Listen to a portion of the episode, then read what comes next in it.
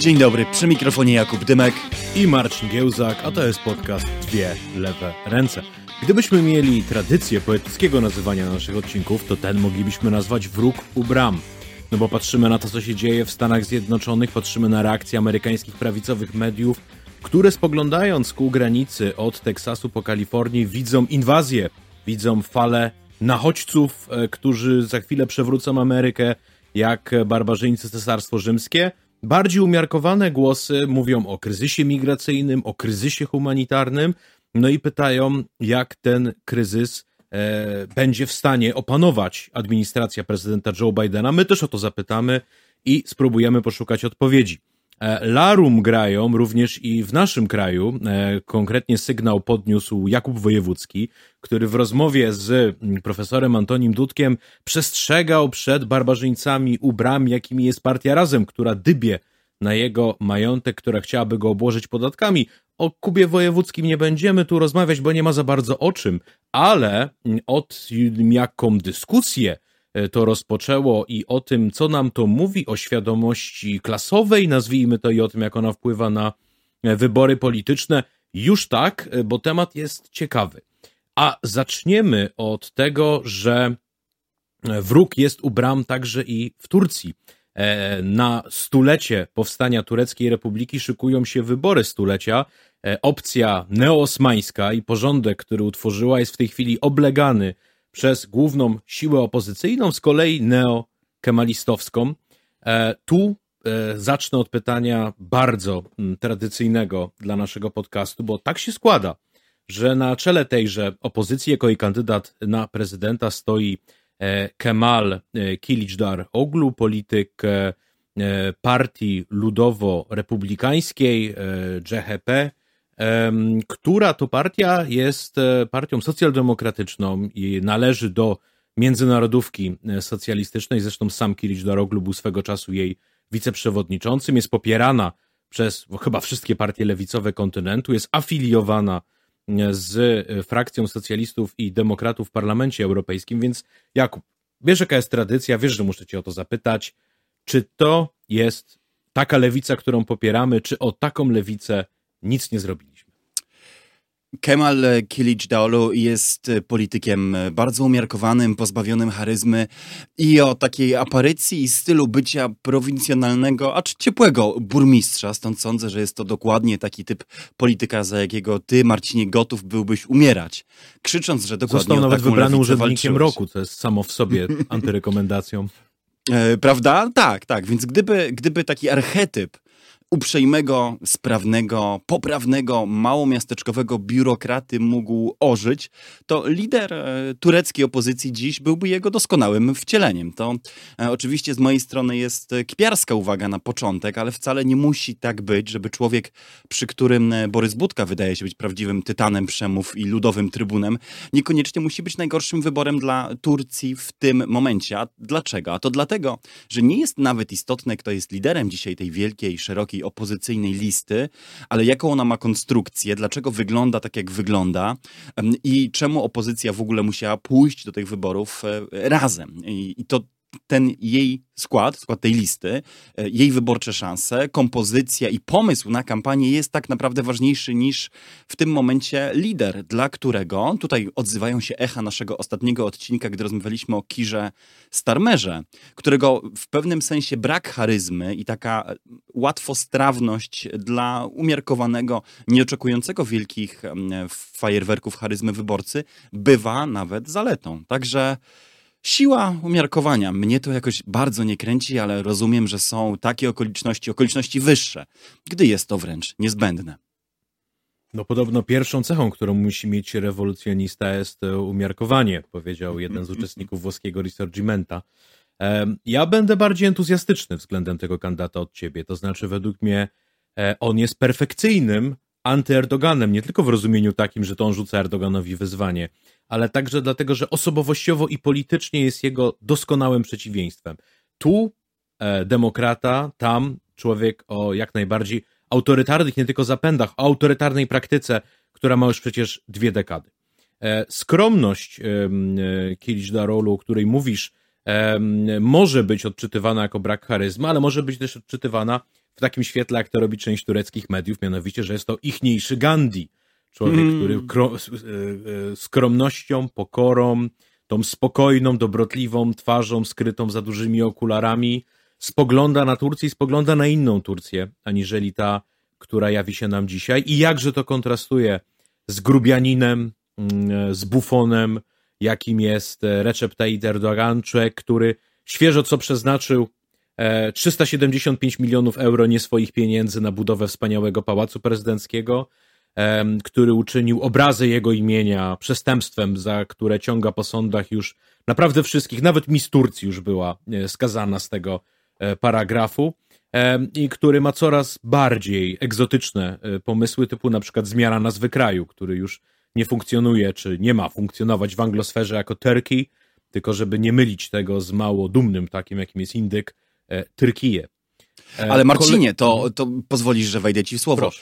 To wszystko tym lepiej tłumaczy, dlaczego duża część polskiej prawicowej klasy politycznej była w Erdoana i jest w Erdoana tak zapatrzona. No, człowiek, który e, buduje e, lotniskowiec i zakazuje obrażania e, dumy i godności swojego narodu, a przy tym jeszcze zmusza wstrętnych anglosasów, by nie mylili nazwy jego kraju z pospolitym ptakiem, chciałoby się, znaczy gdyby jest się polskim prawicowcem, chciałoby się lidera, który wreszcie zmusi obcokrajowców do odróżniania Poland i Holand, zbuduje lotniskowiec i jeszcze skutecznie zdelegalizuje opozycję za obrażanie prezydenckiego honoru. No, czy w, taki, czy, wiesz, czy w świetle tych faktów możesz się dziwić, że on im się podoba? Sam wystawiłeś mu w tym momencie potężną laurkę, a przecież nie wymieniłeś wszystkich osiągnięć na tych polach. No właśnie, e, chciałem powiedzieć, że na tym się nie kończy, bo także stworzył pewnego rodzaju szkołę geopolityki, prawda, że można lawirować między blokami, grać na siebie i nie być wcale skazanym tylko na przyjmowanie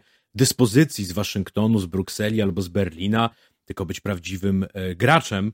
E, no i oczywiście jego religijny zapał, no jest to przecież człowiek, który powiedział i za te słowa nawet trafił do więzienia w Turcji jeszcze laickiej, że meczety to nasze koszary, kopuły to nasze hełmy, minarety to nasze karabiny, a wierni to nasza armia. E, no, pięknie to brzmi w oczach e, polskiego prawicowca, zwłaszcza tego dotkniętego, dotkniętego mm, żywą u nas chorobą, śmiem powiedzieć, islamofilii, to islamofilii rozumiane jako ten islam wojujący. Ale e, idąc dalej w tą moją wyliczankę, czemu mi się Kilić do Orlu podoba?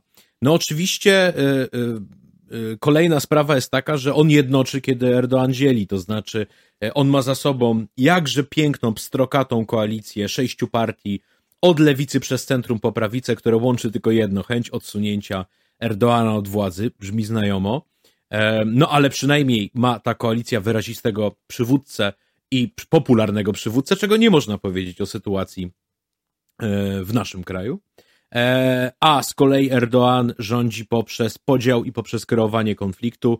E, no, najnowsze jego wypowiedzi sugerują, że opozycję łączy jeszcze coś innego, mianowicie oczywiście LGBT i gender.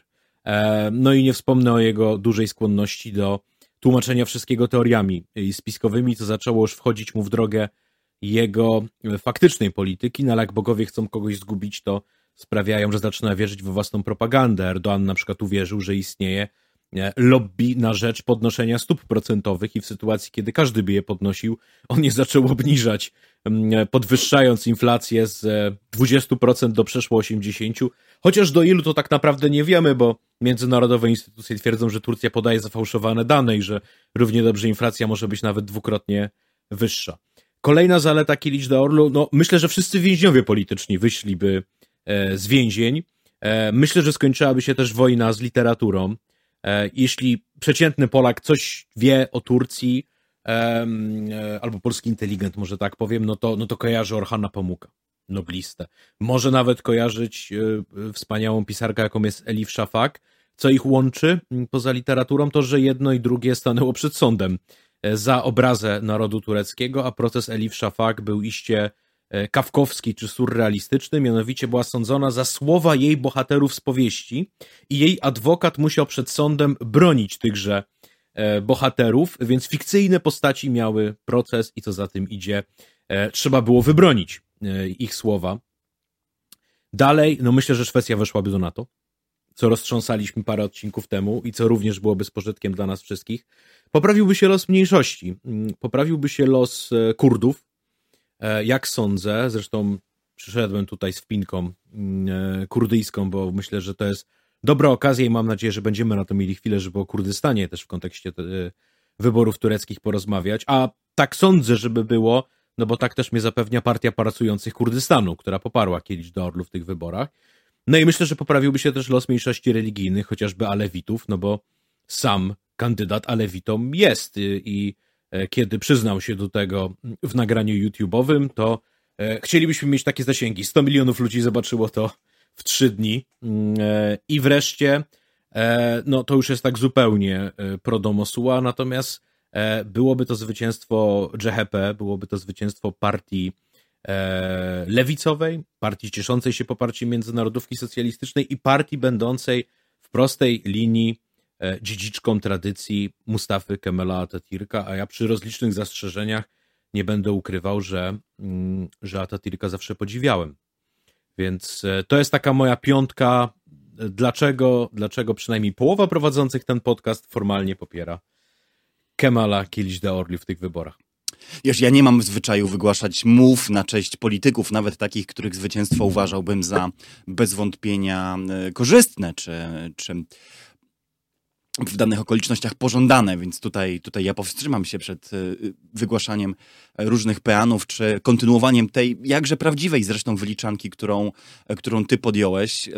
Inna sprawa, że akurat poparcie partii pracujących Kurdystanu y, może być we współczesnej y, Turcji prawdziwym pocałunkiem e, śmierci, choć fakt, że kandydaturę Kilic Daolu poparła ta legalnie wciąż, wciąż działająca partia lewicowo-kurdyjska HDP, koalicja lewicowa, która którą usilnie też e, prezydent Erdoğan próbuje zdelegalizować, ale poparła Kilicdaolu także taktycznie, żeby nie zrobić mu więcej szkód niż pożytku. Bo dzisiaj, jak tylko nawiązałeś, ja pozwolę sobie to rozwinąć, e, prezydent Erdoğan prowadzi swoją kampanię metodami wojny kulturowej. Otóż przyklejając swoim oponentom wszystko to, co w świecie erdoanowskiej Turcji najgorsze, czyli e, kurdyjskość, gejowskość i zachodniość w różnych e, proporcjach i w zależności od różnych okoliczności, którymi w danym momencie prezydent Erdoğan się e, posiłkuje. Naprawdę wzruszająca i nie wymagająca żadnych e, tłumaczeń była czołówka z telewizji RT, z dawniej Russia Today, która w krótkich, acz treściwych słowach powiedziała Erdoğan twierdzi, że turecka opozycja to gej. Cóż więcej, I Kurdowie. więcej dodawać? Mm, I Kurdowie, no bo, bo wmawia się również kurdyjskie pochodzenie e, Kiric Daorlu, który, e, który sam powiedział, że, e, że Kurdem nie jest. On pochodzi z prowincji, mm, w której bardzo liczna jest kurdyjska mniejszość, natomiast on twierdzi, że jego przodkowie byli Turkmenami. A co zabawne, wiele wskazuje na to, że przodkowie samego Erdoana byli Gruzinami z Batumi, czego kiedyś e, nie krył, a później zaczął. Mm, chociaż jak zapytano kiedyś Erdoana wprost o narodowość, wiesz co odpowiedział? Mm, islam. Muzułmanin, tak. A, widzisz, trafiłem. Um, narodowość muzułmanin. E, tak, tylko powiedziałem, pamiętaj, że te wszystkie trzy przedmioty można stosować w zależności, bo tak trochę wojny kulturowe też działają, e, w konfiguracji, jaka się komu podoba. Można być, wiesz, prozachodnim, prokurdyjskim gejem albo e, proseparatystycznym Y, antytureckim, weganinem. To wiesz, ta, ta, ta metoda tworzenia obelg na swoich przeciwników w Polsce przecież tak świetnie rozpropagowana niegdyś przez byłego ministra spraw zagranicznych sprawdza się dobrze i w dzisiejszej Turcji. Możesz łączyć w sobie wszystkie lub różne e, wykluczające cię ze zdrowej tureckiej wspólnoty cechy w jednej e, osobie. E, a tak przynajmniej dyktuje ta kampania, która zresztą, a no, pamiętajmy, możesz też być na przykład progreckim zdrajcą, możesz być, wiesz, sprzedawczykiem, mm, ukrytą opcją cypryjską. Możesz być e, zwolennikiem wojny walutowej i wewnętrznym tutaj fedowskim łamistrajkiem. łamistrajkiem no, oczywiście możesz być syjonistą, już nie, nie, nie, wiele używając wiele, kompletnej tak. oczywistości dla reżimu Erdoana. Tak, można naprawdę wiele różnych tych cech e, nieść w sobie. Ja myślę, że dzisiaj mniejszą część naszej rozmowy poświęcimy oczywiście polityce wewnątrz tureckiej, bo nie będziemy się snobować tutaj na ekspertów.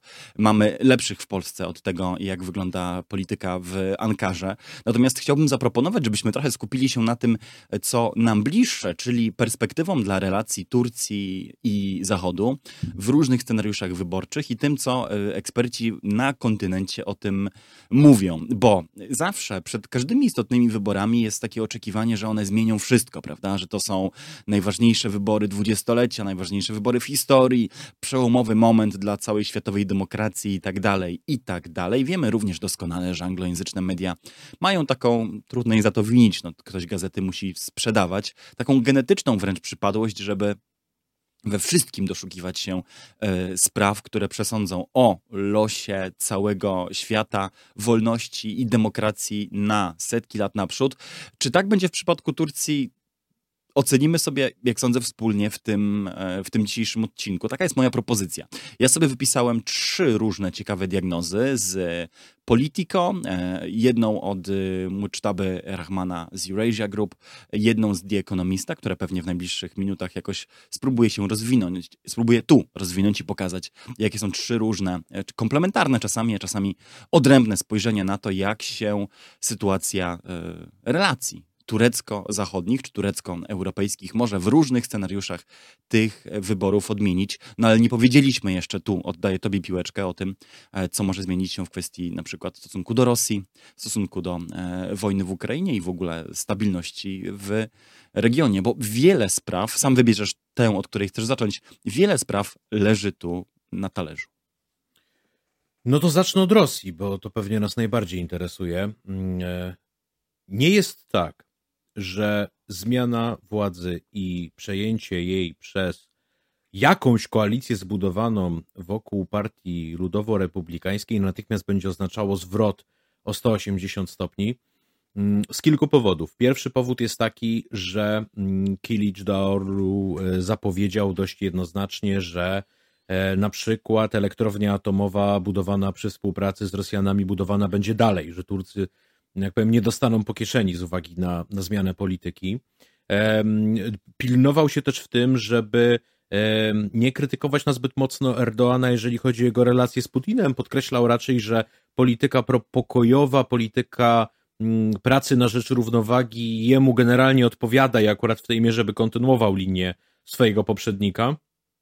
Mm, e, natomiast e, z całą pewnością miałby on dużo lepsze relacje z NATO, bo podkreślał, jak bardzo one są kluczowe dla Turcji i myślę, że nie stawiałby e, żadnych przeszkód dla tego, aby, mm, aby, Tur aby Szwecja weszła do NATO. Miałby też lepsze relacje z Unią Europejską, bo chciałby do niej wejść. E, Erdoğan miał takie ambicje dwie dekady temu, obecnie już na ten temat milczy. Natomiast turecka lewica w dalszym ciągu uważa, że, że miejsce Turcji jest w Unii Europejskiej. E, no i na pewno nie robiłby afery o to, że ktoś gdzieś spalił Koran e, albo obraził proroka, no bo sam zmierzałby do tego, żeby Turcję na po, ponownie uczynić państwem, jeżeli nie laickim w rozumieniu atatürkowskim, tam laickie znaczyło tyle, co wykluczające religię z przestrzeni publicznej, dozwalające jedynie na to, aby religia była sprawą prywatną. Na przykład nie wolno było w stroju duchownym wyjść na ulicę, nie wolno było muezinom wzywać do modlitwy, nie wolno było transmitować mm, e, w radiu czy telewizji e, nabożeństw, nie wolno było brać udziału duchownym w uroczystościach państwowych, nie wolno było wreszcie uczyć religii w szkole. Mm, to jak mówi się, że w Polsce mamy problem z antyklerykalizmem i z opiłowywaniem katolików, to spróbowalibyśmy Kemala Atatürka z jego pomysłem na to, jak ułożyć relacje pomiędzy państwami wspólnotami wyznaniowymi. No, tak daleko z całą pewnością e,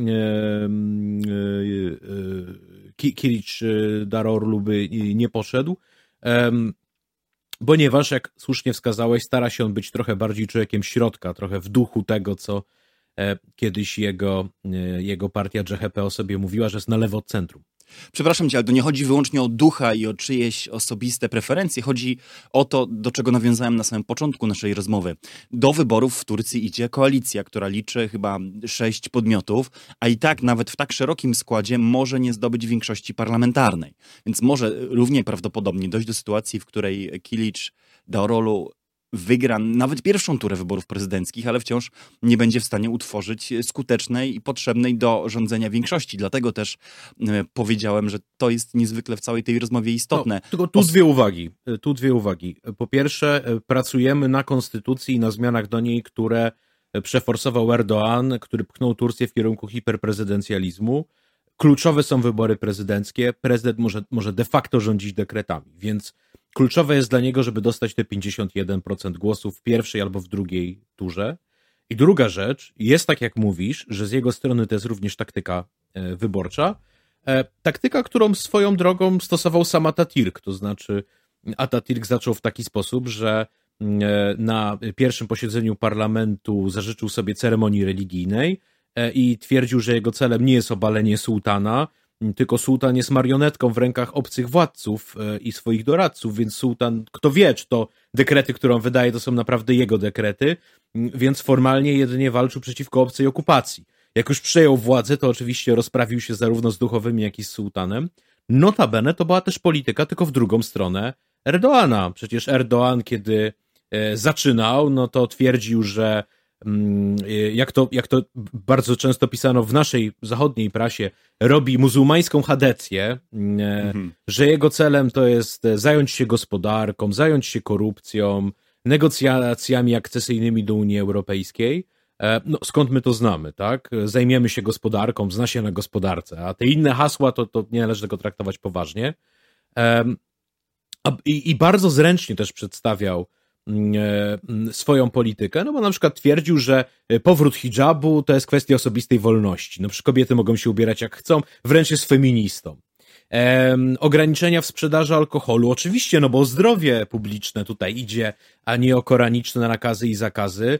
E, powrót religii na scenę publiczną, no to jest liberałem, no nie prześladowano e, ludzi e, religijnych, no a kiedy już się dobrze E, rozkręcił, no to, no to się zaczęło, tak? To znaczy zaczęło się wsadzanie dziennikarzy do więzień, zwalnianie 82 mm, tysięcy urzędników i oficerów, którzy się z nim nie zgadzali, usuwanie e, e, teorii ewolucji z podręczników szkolnych, przymusowa katechizacja również w szkołach, wymiana wszystkich dyrektorów szkół na religijnych, zamiany Hagi Sofii w meczet, a ostatnio nawet propozycja penalizacji cudzołóstwa. Więc e, ta taka taktyka e, żabik skoków, czy taktyka salami może być również i, e, i specyfiką partii postkemalistowskiej, która teraz bardzo tak tępi swoją retorykę, a z czasem będzie, będzie znacznie bardziej agresywna. Ale widzę tu jeden pozytyw. Mm, to znaczy, być może wreszcie uda się przepracować taki arcyparadoks mm, kemalizmu, który polegał na tym, że Kemal zaoferował Turkom państwo nowoczesne, E, prozachodnie, świeckie, liberalne, socjalne, ale niedemokratyczne. Dlatego, bo było oczywistością w latach 30. i 40., że gdyby pozwolić ludziom wybrać taki rząd, jaki by chcieli, no to wybraliby sułtana i, i, i duchownych i wybraliby islam, a nie, e, a nie porządki na wzór zachodni, więc nie było innego wyjścia, e, jak zrobić z tego taką demokrację sterowaną, e, i tą demokrację sterowaną trzymało przez kolejne dekady w ryzach wojsko i głębokie państwo. To znaczy, jak ktoś odchodził od ortodoksji kemalistycznej, no to wojsko go obalało.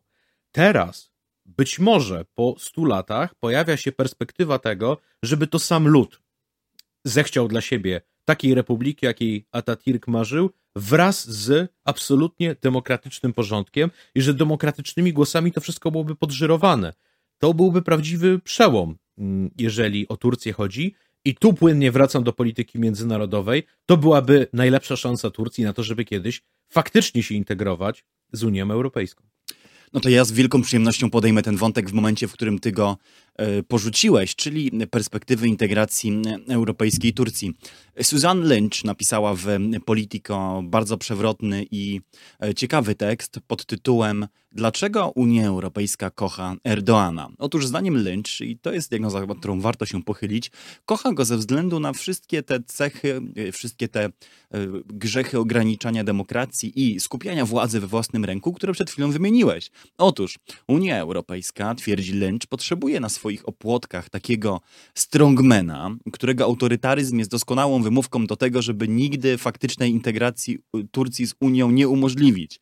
I tak długo jak Erdoğan rządzi Turcją, tak długo tak naprawdę kwestia przyszłego członkostwa jest zawieszona, e, a negocjacje ewentualnie toczące się mają tak naprawdę wyłącznie fasadowy charakter, tym lepiej dla wszystkich. No, bo Francuzi nie muszą wygłaszać swojego sprzeciwu otwarcie, Polacy, Węgrzy czy Słowacy nie muszą e, e, wszystkim głośno i otwarcie przypominać, że głównym powodem ich obiekcji byłaby szeroko rozumiana islamofobia, a dziś także chęć przyznania priorytetowego prawa do dołączenia Unii Europejskiej Ukrainie.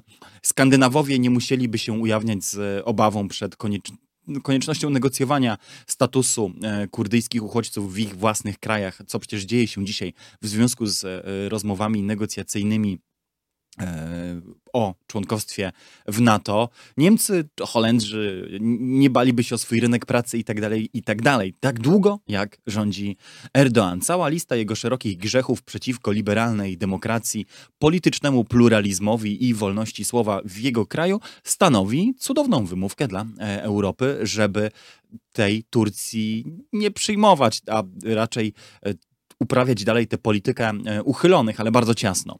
Drzwi. Co więcej, ja do argumentu Lynch, on to się w tekście nie pojawia, ale dodam e, także swój, który do którego jestem bardzo e, przywiązany. Otóż uważam, że e, Lynch jest za mało cyniczna w tym, co pisze. Otóż ja uważam, że jest nawet gorzej. Otóż Erdoğan, jako ktoś, kto e, żelazną ręką jest w stanie powstrzymać czy ograniczyć napływ uchodźców do Europy i za cenę bardzo dużych napięć społecznych w swoim własnym kraju trzymać dalej na przykład Syryjczyków i nie odblokowywać zarazem jakiegoś procesu pokojowego z prezydentem prezydentem Assadem, jest z punktu widzenia cynicznych y, brukselskich elit sprawą niezwykle, niezwykle opłacalną. Tu musimy uchylić kapelusza autorowi tego porozumienia, Donaldowi Tuskowi.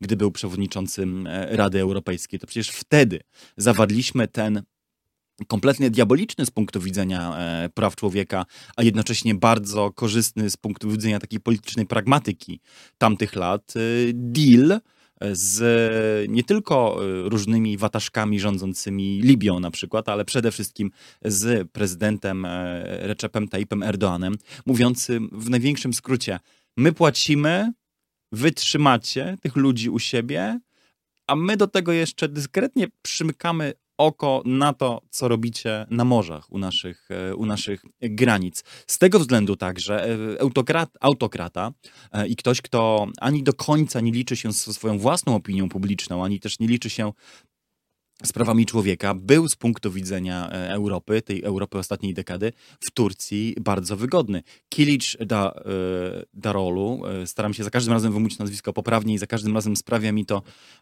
z oczywistych powodów trudności, nie jest to przyjazne dla polskiego języka nazwisko, obiecuje normalizację stosunków z Basharem al-Assadem i koniec, czy próbę zakończenia tej polityki przetrzymywania uchodźców w Turcji i być może jakąś formę e, repatriacji, bo 2,5 e, miliona samych Syryjczyków w Turcji, którzy niestety także powiedzmy prawdę, często poprzez e, dramatyczne okoliczności materialne są zmuszeni do żebractwa, prostytucji, E, lub e, nielegalnej pracy, w tym także pracy dzieci e, w Turcji, to olbrzymi społeczny problem. Problem, który nie tylko kłuje w oczy, bo ta nędza jest uderzająca, ale także generuje społeczne napięcia w kraju, który i tak przecież jest krajem ściągającym migrację z całego regionu. Póki Erdoğan trzymał nad tym kipiącym garem pewien klosz, to europejskie elity mogły, nie wiem czy spać spokojnie, ale mogły na pewno cieszyć się perspektywą odsuniętą w czasie perspektywą zmierzenia się z tym, co się dzieje. A, i tu będę oddawał Ci głos, przecież presja migracyjna na Europę nie maleje, lecz e, rośnie. W ilość zarówno śmierci, jak i prób przekroczenia e, Morza Śródziemnego znowu sięga poziomów e, znanych z tego, co widzieliśmy w roku 13. Tylko mniej o tym mówimy, bo bardziej na naszych, e, na, na, na tapecie mamy kwestię migracji z Ukrainy, a przecież ta z Afryki Północnej, krajów Bliskiego Wschodu, także Afganistanu, dziś rośnie i tworzy między innymi na Turcję nowy rodzaj presji, z którym nowy rząd także będzie musiał się zmierzyć. E, wielki holenderski socjaldemokrata Job van den Uyl e, zawsze na każde pytanie odpowiadał dwie sprawy, po to, żeby nikt go nie wmanewrował w tak ani albo nie. Więc e, dwie sprawy. Najpierw mniejsza. Powiedziałeś to, o czym każdy myśli, to znaczy, że mm, nazwisko Kilijdar Olu bardzo trudno jest wymówić. Łatwiej je wymówić, jak się wie, co znaczy. Więc szybka, szybka anegdota. E, bo tutaj zarówno imię, jak i nazwisko jest znaczące. No, na imię ma Kemal, e, po arabsku doskonałość, od przydomka e, Mustafy Kemala Atatürka, co od razu pokazuje, jakie poglądy mieli rodzice. Natomiast Kilicz znaczy miecz. Natomiast Olu znaczy syn. Większość, bardzo dużo Turków ma nazwiska zakończone na Olu, czyjś syn. I zresztą jest to nazwisko, które przybrał jego ojciec, bo pierwotnie nazywali się e, Karabulut, co jest prostsze.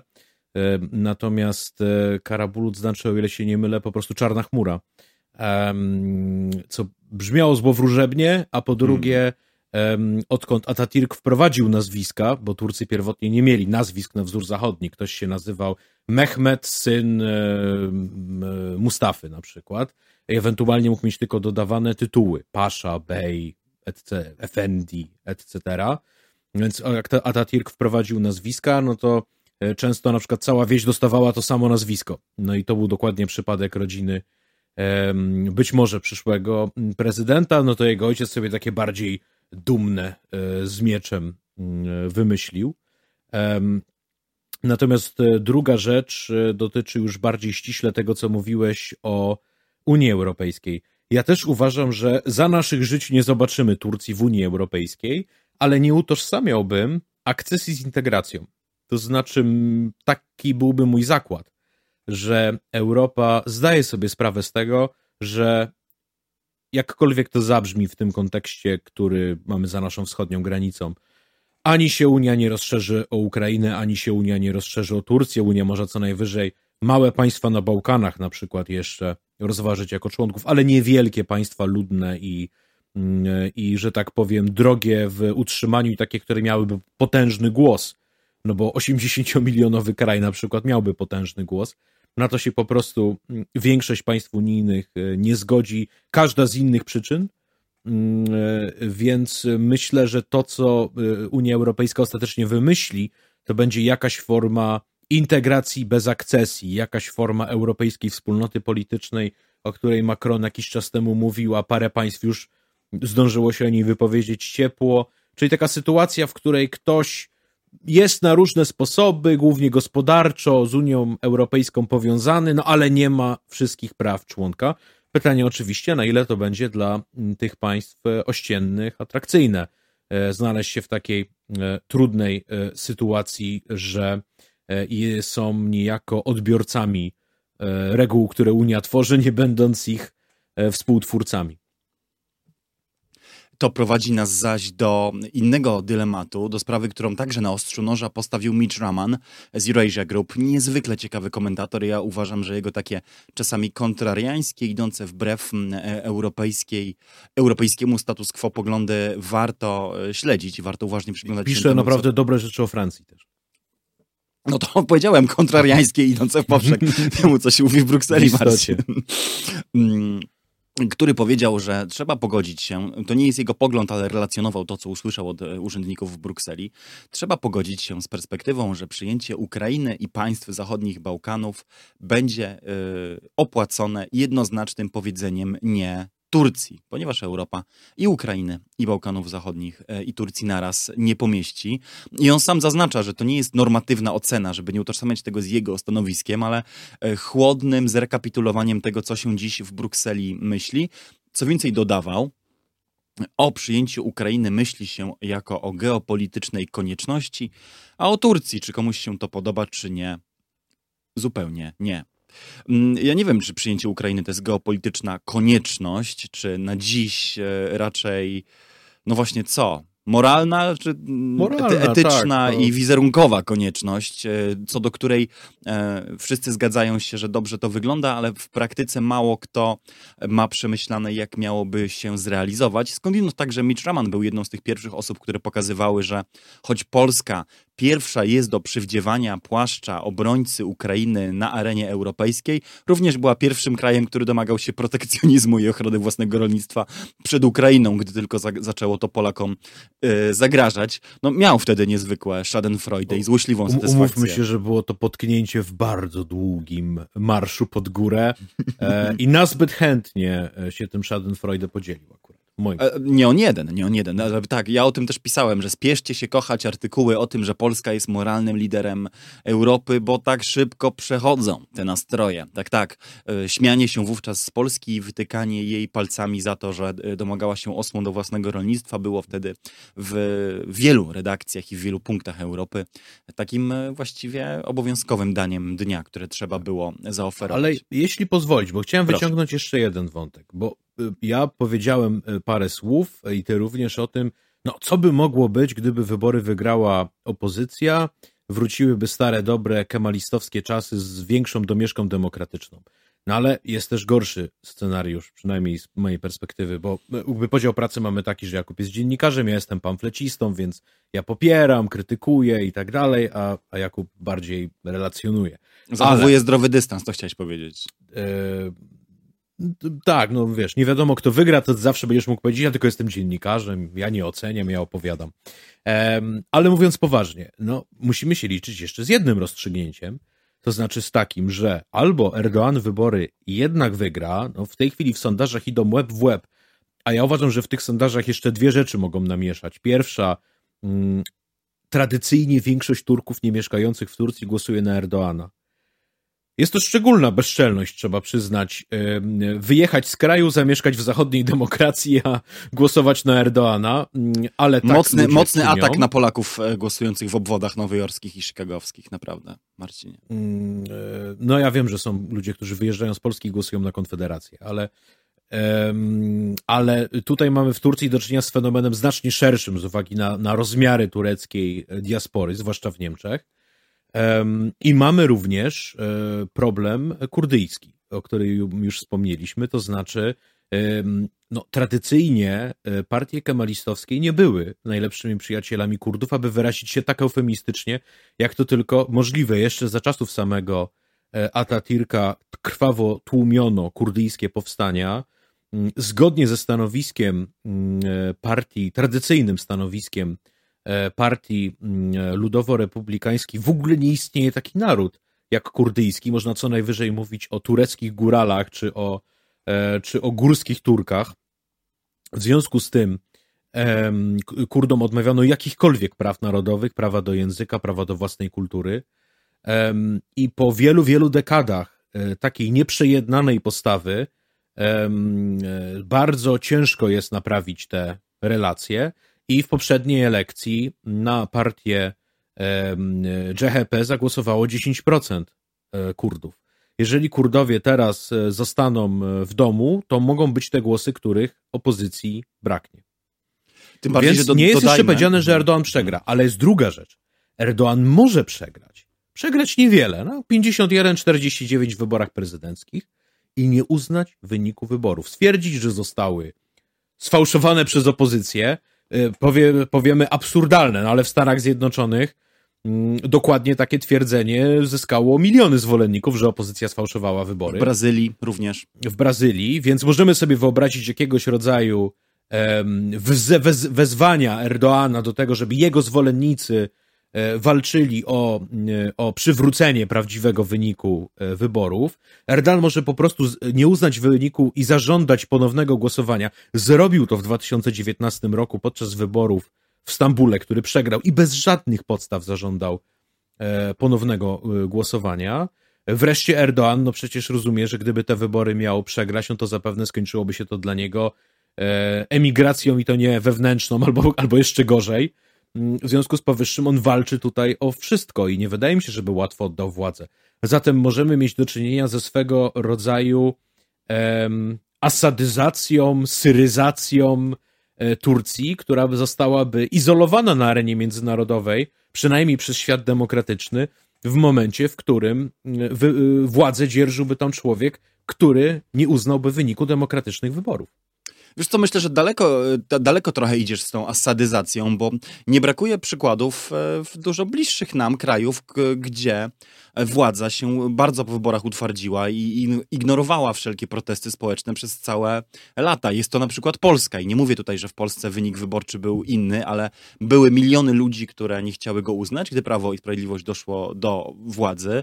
Była istotna presja także z zagranicy, były wielkie nadzieje na to, że jednak jakaś strategia uliczna e, PiS od władzy odsunie. Władza nie dość, że je przeczekała, to jeszcze poszerzyła swój społeczny mandat i, um, i w wielu kategoriach relatywnie także zyskała na arenie międzynarodowej. Natomiast y, rzeczywiście... No ale nie, mój, mój, mój bracie w Chrystusie, PiS jednak wygrał wybory fair and square. My tu mówimy o sytuacji, w której Erdoğan może po prostu nie uznać wyniku wyborów i rządzić dalej. Może tak być. E, I wtedy prawdopodobny jest scenariusz, no właśnie jaki wówczas? Bo o amerykańskim Podejrzewam, że 6 styczniowym jeśli, jeśli asadyzacja jest zbyt daleko idącym terminem, to powiedzmy hajderyzacji e, Turcji. E, jest to niewykluczone. Ja y, chciałem skończyć najpierw wątek europejski, zanim przejdziemy do Turcji. Trochę mi ten plan wykoleiłeś, ale dobrze, pozostaniemy w takim razie w, przy Turcji jeszcze. Rzeczywiście, my trochę sądzę, że bagatelizujemy ryzyka, bo scenariusz 6 stycznia, o którym mówiłeś, jest bardzo prawdopodobny.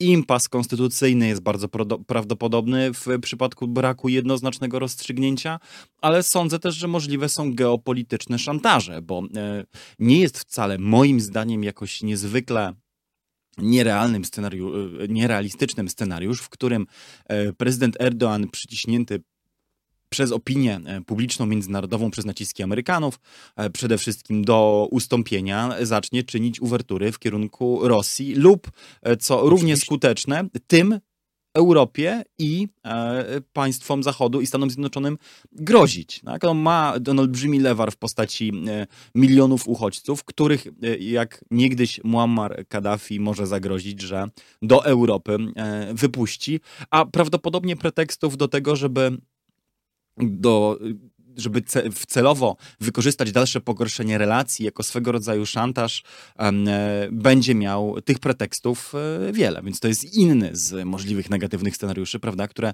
o których mało mówimy, e, ale nie są wcale na całej tej, odległe, odległe na horyzoncie. Mhm. No to zadałbym sobie pytanie, na ile on jest prawdopodobny, bo mm, moim zdaniem są pewne strukturalne przyczyny, dla których Erdoğan te wybory przegrać może. E, pierwszy powód, mm, wyczerpał się moim zdaniem cały ten pomysł na e, hadecję muzułmańską. To znaczy, my tu się zajmiemy gospodarką i będziemy, i będziemy dobrymi e, gospodarzami. Tak wyglądała z grubsza pierwsza dekada rządów Erdoana. I gdyby on rządził krócej, gdyby grom z jasnego nieba go trafił po, po pierwszych kilku latach rządów, to prawdopodobnie przyszedłby do historii jako naprawdę wybitny mąż stanu. E, dlatego, bo on przecież dochodząc do władzy, e, rozkręca gospodarkę, rozwiązuje problem, który, e, no weźmy to na swoje barki, miały zwyczajowo rządy kemalistowskie, to znaczy doprowadzały przez nadmiar etatyzmu, nadmiar regulacji, nadmiar własności państwowej do cyklicznego przegrzania gospodarki, czego potem owoce Turcy zbierali i co destabilizowało kraj raz za razem. E, Erdoğan tutaj okazał być się mm, efektywniejszym zarządcą gospodarki. Zapanował nad e, arcytureckim problemem przenoszonym z pokolenia na pokolenie, czyli inflacją. E, odziedziczył inflację 60%, szybko ją zbił do poziomu 9%. Przeprowadził długo oczekiwaną reformę służby zdrowia, to za jego rządów wprowadzono możliwość zapisywania się przez internet, a nie czekania w długich kolejkach. Bardzo były zasadnicze kroki naprzód, jeżeli chodziło na przykład o infrastrukturę, autostrady, problem, który my w Polsce lubimy często omawiać, kolej, o czym też rozmawialiśmy tutaj w tym podcaście. To były duże sukcesy jego, jego okresu rządów, ale na przykład dzieci w przedszkolach. 5% kiedy obejmował władzę, 40% kiedy kończył pierwszą kadencję premiera, wzrost e, e, średniej długości życia o 5 lat e, w ciągu dekady, no i uspokojenie kraju, który Mm, który był przecież targany najróżniejszymi mm, kryzysami. Przez 40 lat cztery wojskowe e, zamachy stanu, przemoc polityczna, która pochłonęła e, dziesiątki tysięcy żyć, no bo przecież e, sam konflikt kurdyjsko-turecki to jest ponad 30 tysięcy ofiar, a przecież jest jeszcze przemoc bojówkarska organizacji skrajnie prawicowych, jak Szare Wilki skrajnie lewicowych, jak robotniczo-chłopska armia wyzwolenia, mm, aż serce rośnie, jak się wy, wymawia tą nazwę. E, dziewięć lat dyktatury wojskowej, e, kiedy wszystkie partie były nielegalne, i tu nagle dwie dekady, no przy wszystkich problemach, ale jednak w miarę, w miarę spokojnego czasu, kiedy, kiedy klasa średnia rosła, kiedy ludziom e, żyło się dostatniej. To i pozwoli, że ja się... to się... Mhm. Tylko tu dokończę. I to Dobrze. się skończyło. To znaczy, to się... teraz mówimy o inflacji która wynosi, jak już powiedzieliśmy, minimum 80%. Mówimy o mm, rządzie, który kompletnie sobie nie radzi z walącą się gospodarką, który kompletnie sobie nie poradził z pandemią COVID-u. Tu też weszło spiskowe myślenie Erdoana. 100 tysięcy nadmiarowych zgonów według Światowej Organizacji Zdrowia. 57 tysięcy umarło w trzęsieniu ziemi, z którym kompletnie władza sobie nie poradziła, między innymi dlatego, że nie szanowała żadnych procedur i że rozkradała fundusze przeznaczone na radzenie sobie z ewentualnym trzęsieniem ziemi, z czym nie byłoby problemu, gdyby trzęsienia ziemi nie było. No a że akurat było, no to, no to doszło do, do tragedii e, czy do katastrofy. No i ostatnia rzecz. E, Erdoğan mówił, że pozbędzie się głębokiego państwa i tej starej kemalistowskiej elity. No problem polega na tym, że zbudował kontrelitę jeszcze bardziej pazerną i jeszcze bardziej skorumpowaną, która się w tym momencie na tureckim państwie i gospodarce żywi. A to akurat, to akurat paralele z dwoma państwami Unii Europejskiej, e, których przywódcy doszli e, do władzy na tych samych obietnicach, aż cisną się na usta i chyba nie muszę mówić o jakich dwóch e, krajach tutaj mówię. Skądinąd niegdyś, co wielokrotnie podkreślaliśmy, także w Turcji Erdoana mocno zapatrzonych.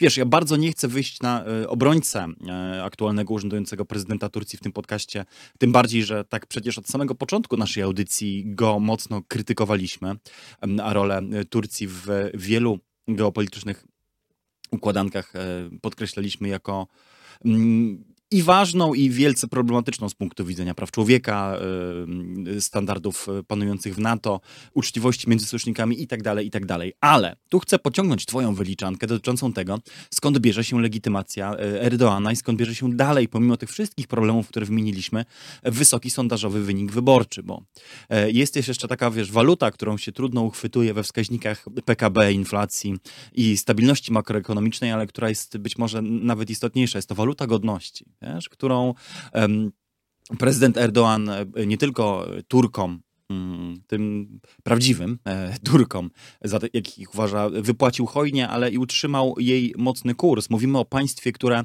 nie tylko notowało e, po, relatywnie stały wzrost zamożności, e, siły nabywczej przeciętnej pensji i PKB przez 20 lat, ale dokonało skoku w dziedzinie, mówię, która jest trudniej mierzalna, ale bardzo prestiżowa. I to są wielkie inwestycje infrastrukturalne, budowa własnej elektrowni atomowej, budowa własnego lotniska, piaskowca Andalu, który teraz e, pływa e, jako e, żywy widoczny i bardzo masywny rekwizyt w kampanii prezydenckiej, kolejnej kampanii reelekcyjnej samego Erdoana. To jest rozbudowa przemysłu zbrojeniowego, któremu tak piękną reklamę przecież zrobili Polacy organizując zbiórkę na drona marki Bayraktar, skądinąd, którego twórca skądinąd był żywo zainspirowany walką z Kurdami, wiesz, i podobno, tak powiedział w wywiadzie dla Financial Timesa, inspiracja na tego konkretnego drona przyszła mu na myśl, gdy odwiedzał powstał cmentarz bojowników, bohaterów Turcji poległych w wojnie z kurdyjskimi ekstremistami i wtedy naszła go myśl, spojrzał w bezchmurne niebo i pomyślał, że coś by tutaj przydało, przydałoby się, żeby coś tu latało. E, I tak miał powstać Bayraktar, taka jest geneza tego bohatera tej historii. Więc kilka e, rzeczy, które mają... Pozdrawiamy Sławomira Sierakowskiego oczywiście. Tak jest. Mm, Chłodno, acz zdecydowanie. E, z takim pozdrowieniem, jak e, było. Z kemalistowskim pozdrowieniem. Dokładnie, chciałem powiedzieć, z kemalistowskim pozdrowieniem z uśmiechem godnym prezydenta Erdogana, bo te kilka prestiżowych niezwykle e, inwestycji e, pokaza pokazało taką, wiesz, prawdziwą siłę i sprawczość państwa, wiesz, nie bez powodu w Stambule, pozdrawiam z tego miejsca moją siostrę Kasię i cały Stambuł, na przystankach autobusowych naprawdę są te plakaty z prezydentem Erdoganem ściskającym rękę robotnika albo z całą taką wizerunkiem całej takiej tradycyjnej, wielopokoleniowej rodziny, która reprezentuje sobą całą turecką różnorodność, bo tu pan z wąsem, pani w huście, ale i e, młodsza generacja już taka bardziej progresywna, już bez chusty, wszyscy szczęśliwi, bo, bo to, to były inwestycje w sektory gospodarki e, i w dziedziny w ogóle e, życia publicznego, które, gdy się na nie spojrzy w perspektywie, budują prestiż państwa, budują też takie poczucie dumy e, i zadowolenia wśród zwykłych obywateli. No cóż, jasne, jest inflacja 80%, ale to na nas się oglądają wszyscy, tak? To na nas się ogląda region. To nam, słuchaj, ja takie wypowiedzi słyszałem na własne uszy, no. To to nam Europejczycy zazdroszczą silnego przywództwa. Bo co to jest? Na jakiś... polskim Twitterze piszą o naszym prezydencie Persultan. Tak. Chociaż ja to słyszałem, zaznaczmy, e, nie na Twitterze, a na żywo, ale naprawdę byłem przekonywany, że wiesz, że w Europie to tylko zazdroszczą nam, Turkom, takiego prezydenta, no bo kim jest jakiś taki Rishi Sunak albo jakiś taki Mateusz Morawiecki, to to wymienić można w sekundę. A u nas w Turcji prawdziwa władza. I to jeszcze taka, która się e, nikomu nie kłania. Nie kłania się, od tego dzisiejszy program zaczęliśmy, nie kłania się Brukseli, nie kłania się Berlinowi, nie kłania się Waszyngtonowi, a sama kreuje swoją rzeczywistość. To budzi no, wielkie, y, wielką nie dumę. Nie też o tym, że przez wiele, wiele, wiele dekad mówiono ludziom, że wszystko to, w co wierzycie i co wam jest najdroższe, jest wsteczne, jest prymitywne i jest problematyczne. I że wasza na przykład religijność jest jedynie wyrazem waszego zacofania i że jeżeli już macie się zapatrywać ku niebu, to, y, to, to powinniście zadzierać głowy, żeby oglądać portrety wielkiego e, przywódcy, jakim był Atatürk, patrzeć w jego, w jego uderzająco niebieskie oczy i blond włosy, no i widzieć tutaj wzorzec tego, jakimi e, być powinniście, a tymczasem dla większości ludzi, zwłaszcza żyjących na prowizji, prowincji, religia oczywiście była czymś ogromnie ważnym i walka z religią, która podejmowana była przez długi czas, jedynie skłoniła ich do tego, żeby żeby żyć podwójnym życiem, żeby ukrywać to, w co naprawdę wierzą, a nagle przyszedł człowiek, który powiedział, nie tylko, że nie musicie się tego wstydzić, możecie być z tego dumni. E, no i mm, jak się aplikuje pedagogikę wstydu w nadmiarze, no to potem przychodzi pedagogika bez wstydu jako reakcja. I ona zadziałała. Zadziałała w Turcji mm, i myślę, że jest y, niesłabnącym źródłem e, popularności prezydenta Erdoana. Zanim skończymy segment turecki, dodam tylko tyle, że są badania, z których wynika, że na przykład trzęsienie y, ziemi, katastrofalne trzęsienie ziemi, które nawiedziło e, Turcję i Syrię kilka miesięcy temu i które miało, zdaniem wielu komentatorów, być gwoździem do trumny politycznej kariery, a już z pewnością prezydentury Erdoana, w niektórych kluczowych dla jego popularności regionach tylko umocniła jego poparcie. Co pokazuje, co pokazuje, jak bardzo sam wizerunek i sama, e, sama obietnica wiesz, działania, reagowania na kryzysy i bycia blisko ludzi wciąż jest niezwykle e, potentną w polityce. E, to, to, to, ja sobie tylko pozwolę na koniec szybką e, anegdotę. E, szybką anegdotę kemalistowską. Mianowicie mm, Atatürk był założycielem, jeśli chodzi o, o, a propos tego, co mówi się o tureckiej dumie narodowej. Atatürk był nie tylko założycielem tej domyślnej partii władzy, on również wiódł ku temu, ażeby powoływać nowe partie opozycyjne w stosunku do partii którą założył, czyli kreował całą scenę polityczną i wybierał jak taki demiurg z góry, że dobra, już porządziliście, teraz, teraz zróbmy taką bardziej liberalną opozycję, bardziej wolnorynkową. Zobaczymy, jak oni sobie poradzą. Czyli y, y, tworzył opozycję względem własnej partii. I e, po śmierci już Atatürka powstawały kolejne partie kemalistyczne, które interpretując myśl mistrza, mogły być lewicowe, prawicowe, centrowe. Właściwie jedyne, co ich spalało, co je spajało, to była republikańska forma rządów. No nikt nie wpadłby na pomysł, żeby sułtana przywrócić, powołując się na Atatürka. E, chociaż jak pierwszy raz Atatürk się pokazał Turkom, to ludzie myśleli, że został sułtanem i krzyczeli niech żyje sułtan, nie rozumiejąc, co idzie w ich stronę. Druga rzecz to oczywiście laicyzm i z tym też nikt nie dyskutuje. No a trzecia rzecz to nacjonalizm. No i wśród y, łącznie około 15 partii kemalistowskich, które powstały, najbardziej lewicową jest oczywiście Partia Narodowa. To jeszcze jedno wskazanie, żeby nigdy nie patrzeć na to, jak partie się nazywają. Partia Narodowa jest najbardziej lewicową z kiedykolwiek powstałych partii kemalistowskich, ale jednocześnie jest najbardziej nacjonalistyczna. No i teraz pytanie, jak godzi jedno z drugim? Otóż godzi je w taki sposób, że na przykład mówi, prawdą jest, że nie wolno dyskryminować ludzi z uwagi na pochodzenie etniczne. Zgadzamy się w tym stu procentach. Nie wolno żadnej mniejszości prześladować. No jest tylko jeden problem. Turcji nie ma mniejszości etnicznych. Wszyscy są Turkami, tylko niektórym CIA, e, masoni, e, wielki kapitał wmówili, że są Kurdami albo Ormianami i tak dalej. Ci ludzie po prostu nie wiedzą, że są Turkami. My ich musimy oswoić z tą myślą, przywitać ich we wspólnocie narodowej. Więc tak, jesteśmy przeciwko dyskryminacji, tylko u nas nie ma kogo dyskryminować. I analogicznie mm, kemaliści zwyczajowo mm, tego się nauczyli, e, zresztą wielu rzeczy się nauczyli od takiej francuskiej, jakobińskiej tradycji. Bardzo nie lubili obcych słów wcielanych do języka tureckiego, musieli natychmiast znajdować odpowiednik. I tak by się dało, wiele krajów tak robi, Islandia też tak robi. Natomiast Partia Narodowa znalazła lepszą e, receptę. Mianowicie stwierdzili oni, sprowadzając kemalistowską historiografię do absurdu, że e, wszystkie języki na tym świecie pochodzą od tureckiego. I że turecki był pierwotnym językiem solarnym, od którego inne języki, jak promienie słońca, się rozeszły. Więc można sobie dowolne słowa wkładać do tureckiego, bo one i tak pochodzą z tureckiego. E, I w ten sposób można, tak powiem, pójść tak daleko w nacjonalizm, że się wypada po stronie e, kosmopolityzmu. To skoro ty tradycyjnie na siebie kończysz anegdotą, to ja tradycyjnie na mnie zakończę jakąś diagnozą lub próbą postawienia e, tejże bo obiecaliśmy powiedzieć, co te wybory e, zmieniają dla stosunków Turcja-Europa czy Turcja-Zachód, lub e, dlaczego są lub nie są takie przełomowe. Więc ja powiem, ja podzielę się diagnozą e, kontrintuicyjną.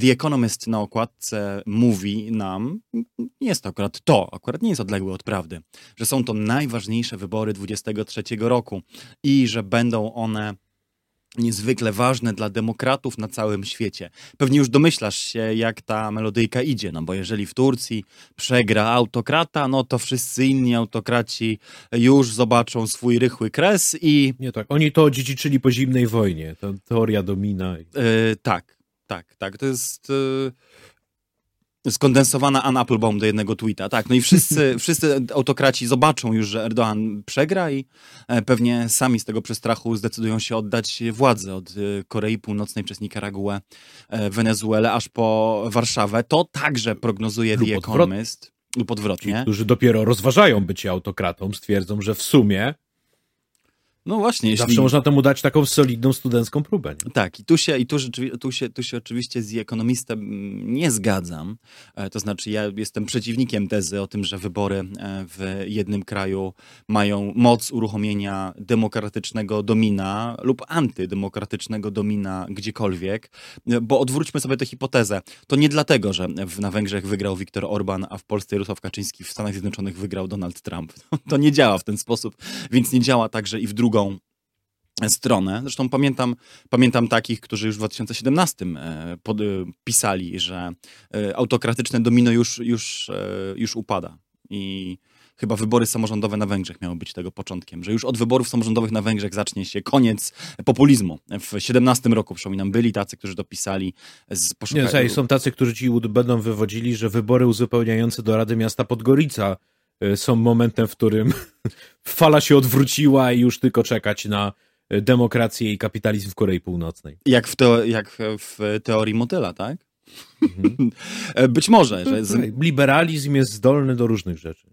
Więc tu się oczywiście z ekonomistem nie zgadzam, że są to najważniejsze wybory dla przyszłości demokracji, bo czy, chyba, że dla przyszłości demokracji w Turcji. Gdy tak zawęzimy mm, tę to diagnozę, to bezsprzecznie.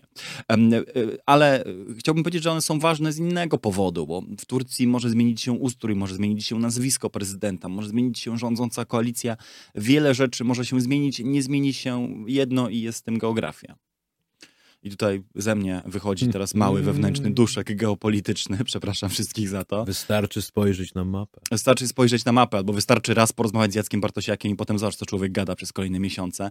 Ale taka jest prawda. No, geografii nie zmienimy. Kto by Turcją nie rządził, będzie to państwo, które będzie pełniło niezwykle ważną rolę w całym trójkącie niezwykle skomplikowanych relacji, którego węzłowym, centralnym punktem, przepraszam, trójkąt nie ma centralnego punktu, ale proszę sobie to wyobrazić, do czego zmierzam w tej plastycznej metaforze. Wnętrze tego trójkąta wypełnia Morze Czarne, o to chciałem powiedzieć, a trójkątem relacji jest oczywiście e, tak zwany kolektywny Zachód, e, Bliski Wschód e, i Rosja e, z Ukrainą w także wielkim i niezwykle istotnym e, historycznym, przełomowym momencie i Turcja nie przestanie być dlatego, dlatego istotna. Nie przestanie być istotna, bo ma duży przemysł zbrojeniowy, bo jest potencjalnie krajem, który mógłby i chciałby odegrać rolę jakiegoś mediatora w, na okoliczność przyszłych negocjacji pokojowych czy zawieszenia broni w Ukrainie. Jest wreszcie też e, krajem, który mm, pełni. E, ja wiem, że przypisywanie komuś roli pośrednika często bywa takie, takie uwłaczające. Nie mam na myśli tego, ale jest w jakimś sensie także pośrednikiem Europy e, i Bliskiego Wschodu, choćby przez więzi gospodarcze i handlowe. To wszystko nie straci na znaczeniu, więc w tym sensie troszeczkę diagnozę ekonomista y, odrzucam, y, jednocześnie zgadzając się, że dla samej Turcji, nawet jeśli nie dla całego świata, ale dla samej Turcji i dla przyszłości e, tego wielomilionowego, dumnego i niezwykle istotnego w naszej geopolitycznej światowej układance narodu, tak rzeczywiście będzie. A my niniejszym e, wybieramy się w zupełnie inną część świata, bo na granicę Stanów Zjednoczonych i Meksyku. E, gdzie choć też do węzłowego punktu. Choć też do węzłowego punktu. Tutaj. Tak, gdzie mamy kolejny, kolejny kryzys e, polegający na tym, że od Kalifornii po Teksas oglądamy obrazki takie, jakie widać chociażby w El Paso czy Brownsville. Tysiące ludzi, w tej chwili już dziesiątki tysięcy ludzi czekają na to, aby móc dostać się do Stanów Zjednoczonych. Ludzi, którzy przybyli z Kuby, z Wenezueli, z Jamajki, z Haiti i z wielu innych krajów, e, w których, w których albo łamane są prawa człowieka, albo po prostu nędza e, wygnała ich w poszukiwaniu lepszego życia. Widziałem rozmowę z rodziną, która przybyła całą drogę mm, z Wenezueli na piechotę na mm, granicę amerykańsko-meksykańską. To były tygodnie, tygodnie i tygodnie marszu, marszu, w którym musieli nieść swoje dzieci, e, no bo ciężko oczekiwać od kilkuletniego dziecka, żeby było w stanie pokonywać takie odległości, z jedną tylko nadzieją, że uda im się dostać do Stanów Zjednoczonych i tam znaleźć mm, dla siebie i dla swoich dzieci lepsze życie. No i w tej chwili od, od wielu, wielu tygodni e, czekają na miejscu w El Paso na to, żeby, żeby stracił moc obowiązującą przepis, który mm, e, zamykał amerykańskie granice, utrudniał dostanie się do Ameryki z uwagi na COVID. COVID był to oczywiście pewnym pretekstem dla administracji e, Trumpa. E, zostało to przez administrację Bidena przedłużone, no a teraz ma się to skończyć. Powraca Title 8, czyli stary porządek, w którym granice legalnie można przekroczyć i być e, procesowanym. No i wszyscy ci ludzie, którzy w normalnym wypadku po prostu by stopniowo przekraczali amerykańską granicę legalnie lub nie, teraz zbierają się tam naraz w jednym momencie i można ich e, drżącą ręką zwolennika Trumpa trzymającego w ręku smartfona nagrać albo zobaczyć ich e, z telewizyjnego helikoptera. Pytanie, czy to będzie to źdźbło, które złamie e, plecy wielbłąda i doprowadzi do sytuacji, w której Ameryka powie mm, to by było na tyle z tą całą imigracją i zmieniamy napis na statule wolności, przyprowadźcie mi swoje biedne, udręczone masy do nie ma już miejsc, czy raz jeszcze Jest to medialnie wykreowany, politycznie wykreowany kryzys, który ma wywołać panikę moralną i pomóc republikanom wyborczym. Jest to bez e, wątpienia kryzys prawdziwy i w e, prawdziwy moment przełomowy.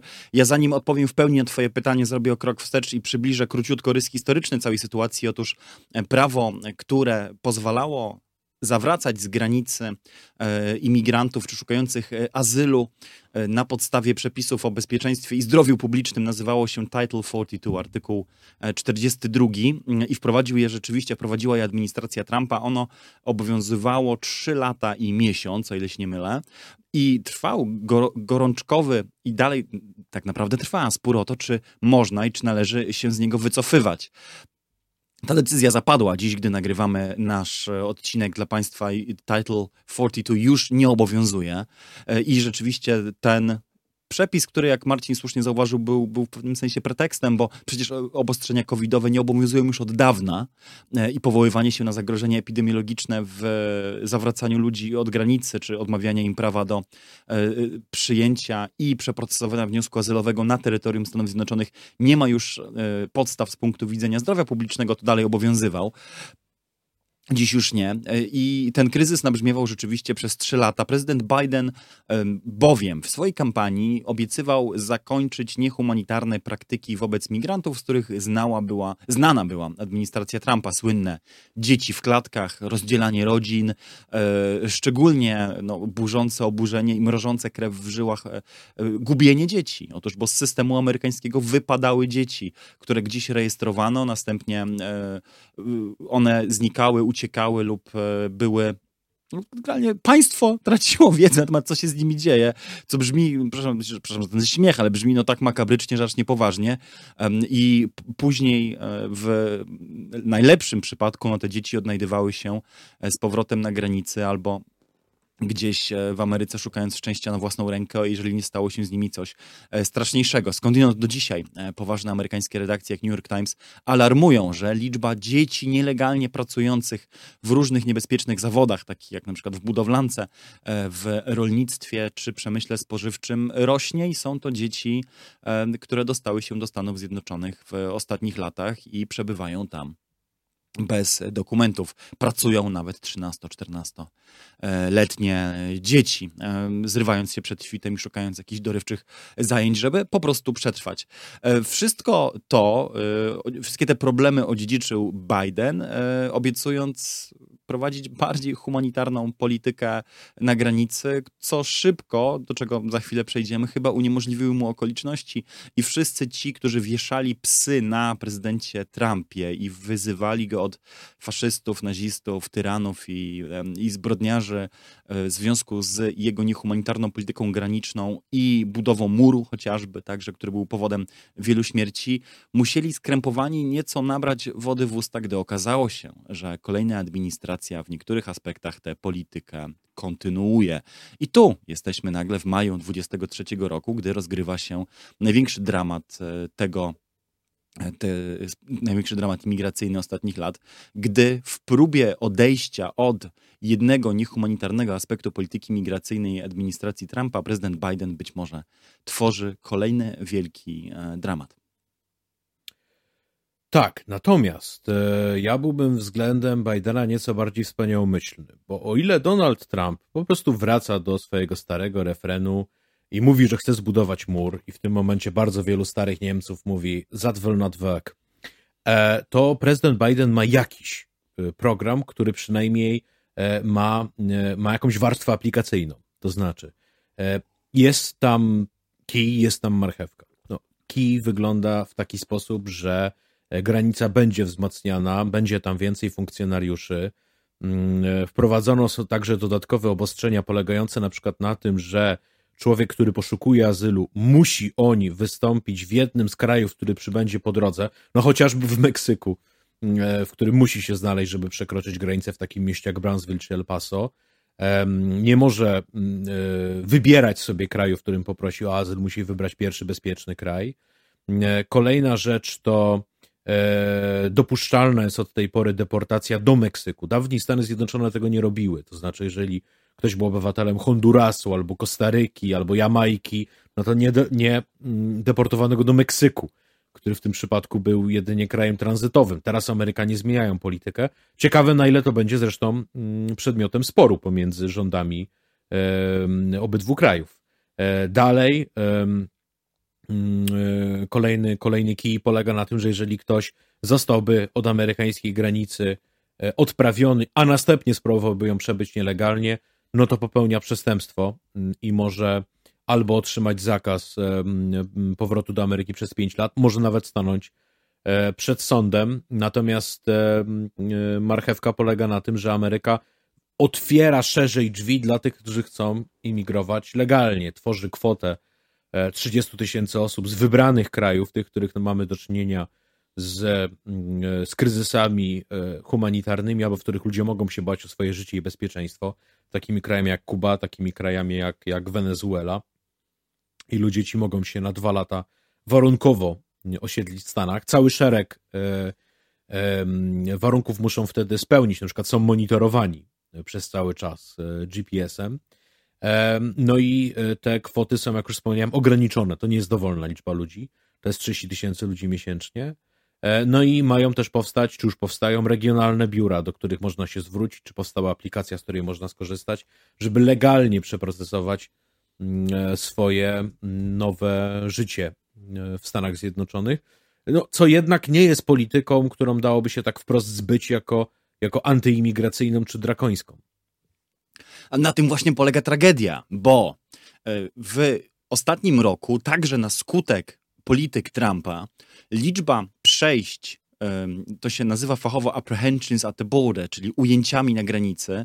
E, jako takie zdarzenie klasyfikowana jest po prostu sytuacja, w której strażnicy napotykają jakąś osobę bez dokumentów i już niezależnie od tego, co potem się dzieje, czy ją aresztują, czy udzielą jej pomocy medycznej, czy ją odwiozą do ośrodka detencyjnego, to jakby nie jest najważniejsze, ale każde takie zdarzenie nazywa się apprehension at the border. Mm, przekroczyła 2 miliony 400 tysięcy zdarzeń, co jest rekordem. Nie było tak wysokiej liczby e, przejść przez granicę nigdy wcześniej. Rok, rok wcześniej było to milion siedemset tysięcy, a w ostatnim przedcovidowym 19 roku 997 tysięcy. E, ale dlaczego mówię o tym, że ma to związek z Trumpem? Otóż z powodu nawarstwienia się trumpowskich polityk e, liczba tych przekroczeń wzrosła, bo ludzie najpierw nie próbowali się dostać, bo Title 42, e, nie wiedzieli jak się dostać, bo mur i tak dalej, i tak dalej. No ale w końcu, gdy siatki, e, siatki przepraszam, nie szpiegowskie oczywiście, tylko siatki przemytnicze, e, znalazły skuteczniejsze sposoby na szmuglowanie ludzi, gdy już COVID przestał być barierą do przekraczania granicy, także na wcześniejszych etapach, czyli do Meksyku, do państw pośrednich. No i wreszcie, gdy liczba tych desperowanych ludzi tak się nawarstwiła, że oni naprawdę ruszyli, także z różnych kierunków, bo mowa tu także o Haiti, mowa o krajach, które, e, które nie graniczą bezpośrednio ze Stanami Zjednoczonymi, a, e, a ludzie przeprawiają się stamtąd do Meksyku. Co zabawne, taką grupą narodową byli także Ukraińcy, na przykład, którzy e, dostawali się najpierw do Meksyku, bo no, nie można sobie tak po prostu kupić samolotu do Stanów Zjednoczonych, a później przeprawiali się, licząc na to, że będą traktowani preferencyjnie preferencyjnie do Stanów przez przejścia lądowe. Niektórzy mieli szczęście, inni nie. Były przypadki, gdy na podstawie Title 42 e, zawracano na przykład ukraińskie matki z dziećmi od granicy i dopiero gdy ujmowali się za nimi aktywiści graniczni albo media, e, to w każdym takim przypadku indywidualnie tę decyzję cofano i przywracano tym osobom tak potraktowanym prawo do azylu, możliwość złożenia wniosku. Gdy więc wszystkie te negatywne okoliczności się nawarstwiły i ludzie ruszyli na Stany Zjednoczone, e, to ten sam Biden, który obiecywał politykę graniczną e, humanitaryzować, e, odziedziczył tak naprawdę konieczność jakiegoś jej uszczelnienia. Jest to jeden z tych paradoksów, które czynią politykę też dziedziną życia tak niestrawną, tak dramatyczną i tak też po prostu trudną, bo nie ma tutaj dobrych wyborów i łatwych rozwiązań. Jak często wiemy, humanitarne, górnolotne E, zapowiedzi polityków e, niweczą, niweczą okoliczności i zapowiedzi te e, w mało spektakularny i pozbawiony godności sposób umierają w konfrontacji z brutalną rzeczywistością. Tak jest teraz. Trump tych ludzi odpychał i COVID dał mu też w jakimś sensie mm, dobrą, dobry do tego pretekst, plus także polityka innych krajów, które tych migrantów nie przepuszczały. E, wszystko to razem zluzowało presję na granicę, e, która dziś jest większa niż kiedykolwiek z powodów e, także zewnętrznych. No, nikt nie przewidział eskalacji przemocy w na Haiti, czy powrotu y, zbrojnych gangów i, i strzelanin w Ekwadorze. Chociaż już załamanie gospodarcze w Wenezueli, o którym będę mówił za chwilę, to już raczej było celowym działaniem, to raczej ktoś przewidział, a nawet y, z, z premedytacją zrealizował. Ale Biden to wszystko odziedziczył i teraz musi tak naprawdę postęp, postąpić wbrew sobie, bo mamy jeszcze w demokracji taką no cóż, wiążącą polityką ręce e, okoliczność, jaką jest wola wyborców. I tutaj e, prezydent Biden, nawet gdyby chciał, to nie może działać e, po uważaniu, gdyż, jak pokazują najnowsze badania, ocena imigracja jest tą dziedziną e, prezydentury Bidena, którą wyborcy oceniają prawie że najgorzej. Niżej są tylko stosunki z Chinami, e, ale pozytywnie działania Bidena na granicy ocenia zaledwie e, nieco ponad 30% Amerykanów, a zarazem duży odsetek z nich mówi, że jest to jedna z kluczowych spraw, które zdecydują o ich głosie w nadchodzących wyborach. No i co ma ten Biden zrobić? Poza tym, o ile nie ma już de debaty w partii republikańskiej, o tyle jest bardzo realna debata w partii demokratycznej. I e, ściera się tam frakcja, która mówi, żaden człowiek nie jest nielegalny, z frakcją, która mówi, jeśli nie masz granicy, nie masz państwa. I istnieje różnica między imigracją legalną a nielegalną. I kto imigruje nielegalnie, po prostu łamie prawo, i że Ameryka ma prawo jakkolwiek kontrolować to, kto przybywa i przekracza jej granice i kto może w niej zamieszkać i na jakich e, warunkach. I ten spór, e, jak słusznie zauważyłeś, zostanie rozstrzygnięty po prostu przez preferencje wyborcze, to znaczy mm, ludzie, którzy żyją już po tej drugiej e, stronie granicy, mm, nie chcą masowej emigracji. Zazwyczaj masową emigrację najchętniej popierają ludzie, którzy nigdy nie odczują jej skutków negatywnych. Ludzie, którzy, mm, którzy żyją na, na strzeżonych osiedlach, żyją na ładnych przedmieściach i którzy e, mogą tylko sygnalizować swoją cnotę z oddalenia, e, a już innym zostawiają takie problemy jak na przykład zamrożenie płac czy wzrost przestępczości. I kolejna sprawa, e, wcale nie są też, w, co wykazały wszelkie badania, które Partia Demokratyczna zamawiała, zachwyceni perspektywą nieograniczonej imigracji z południa amerykańscy latynosi, którzy chcą, aby istniała wyraźna granica oddzielająca tych, którzy przybyli tu legalnie i ciężko pracują, od tych, którzy przekraczają granice nielegalnie przerzucanych tam przez e, przemytników e, ludzi.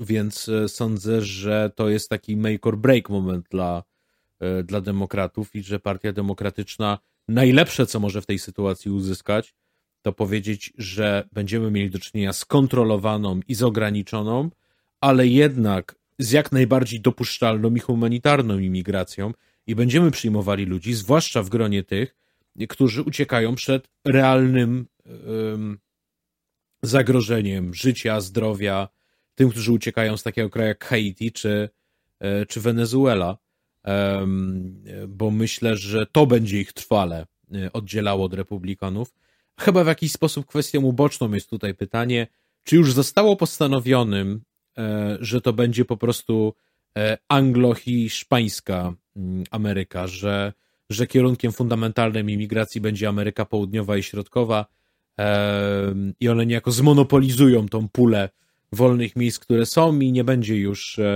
gwałtownie przyrastać liczba Amerykanów, którzy przyjadą z Laosu, Mozambiku, Senegalu, Uzbekistanu albo Macedonii. Dawniej Ameryka była właśnie żywa taką bardzo dużą różnorodnością kierunków imigracji. Teraz to jest fundamentalnie latynoska imigracja.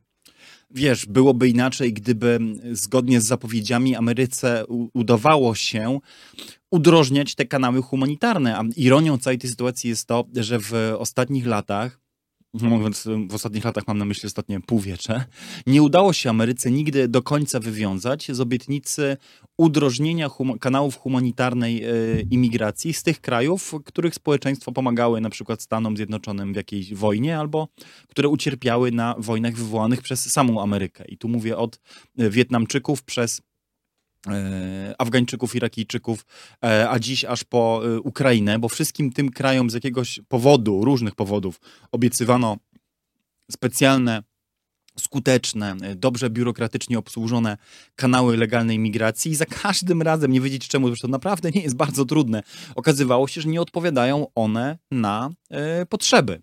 Ja nie wiem, jak wyglądają te statystyki z Ukraińcami dzisiaj, przyznam się uczciwie, nie patrzyłem na nie dość dawno, ale pamiętam, że gdy się zajmowałem jeszcze tym problemem e, w jesienią 22 roku, to też były jakieś dramatyczne zupełnie opóźnienia no w kwestii najprostszej na świecie, to znaczy umożliwić ludziom z Kijowa tak, prawo uzyskania legalnej humanitarnej wizy, kupno biletu do, do Stanów i, i osiedlenie się tam, a nawet tam były jakieś specjalne zawiłości biurokratyczne. Skądinąd tutaj chciałbym, jako człowiek, który no, przez chwilę w Stanach Zjednoczonych mieszkał, e, pozdrowić tych wszystkich, którzy uważają, że Stany Zjednoczone, jako że są państwem e, liberalnym, wolnorynkowym i kapitalistycznym, to są państwem wolnym od biurokracji. Otóż e, wszyscy zgadzają się, wszyscy na świecie zgadzają się, że od kiedy upadł Związek Radziecki, to jedynym krajem z gorszą biurokracją niż amerykańska jest Francja i po niej długo, długo nic. Stany Zjednoczone są państwem, którego rząd federalny federalne i rządy stanowe są mistrzami w komplikowaniu e, prostych e, procedur i nawet, no właśnie,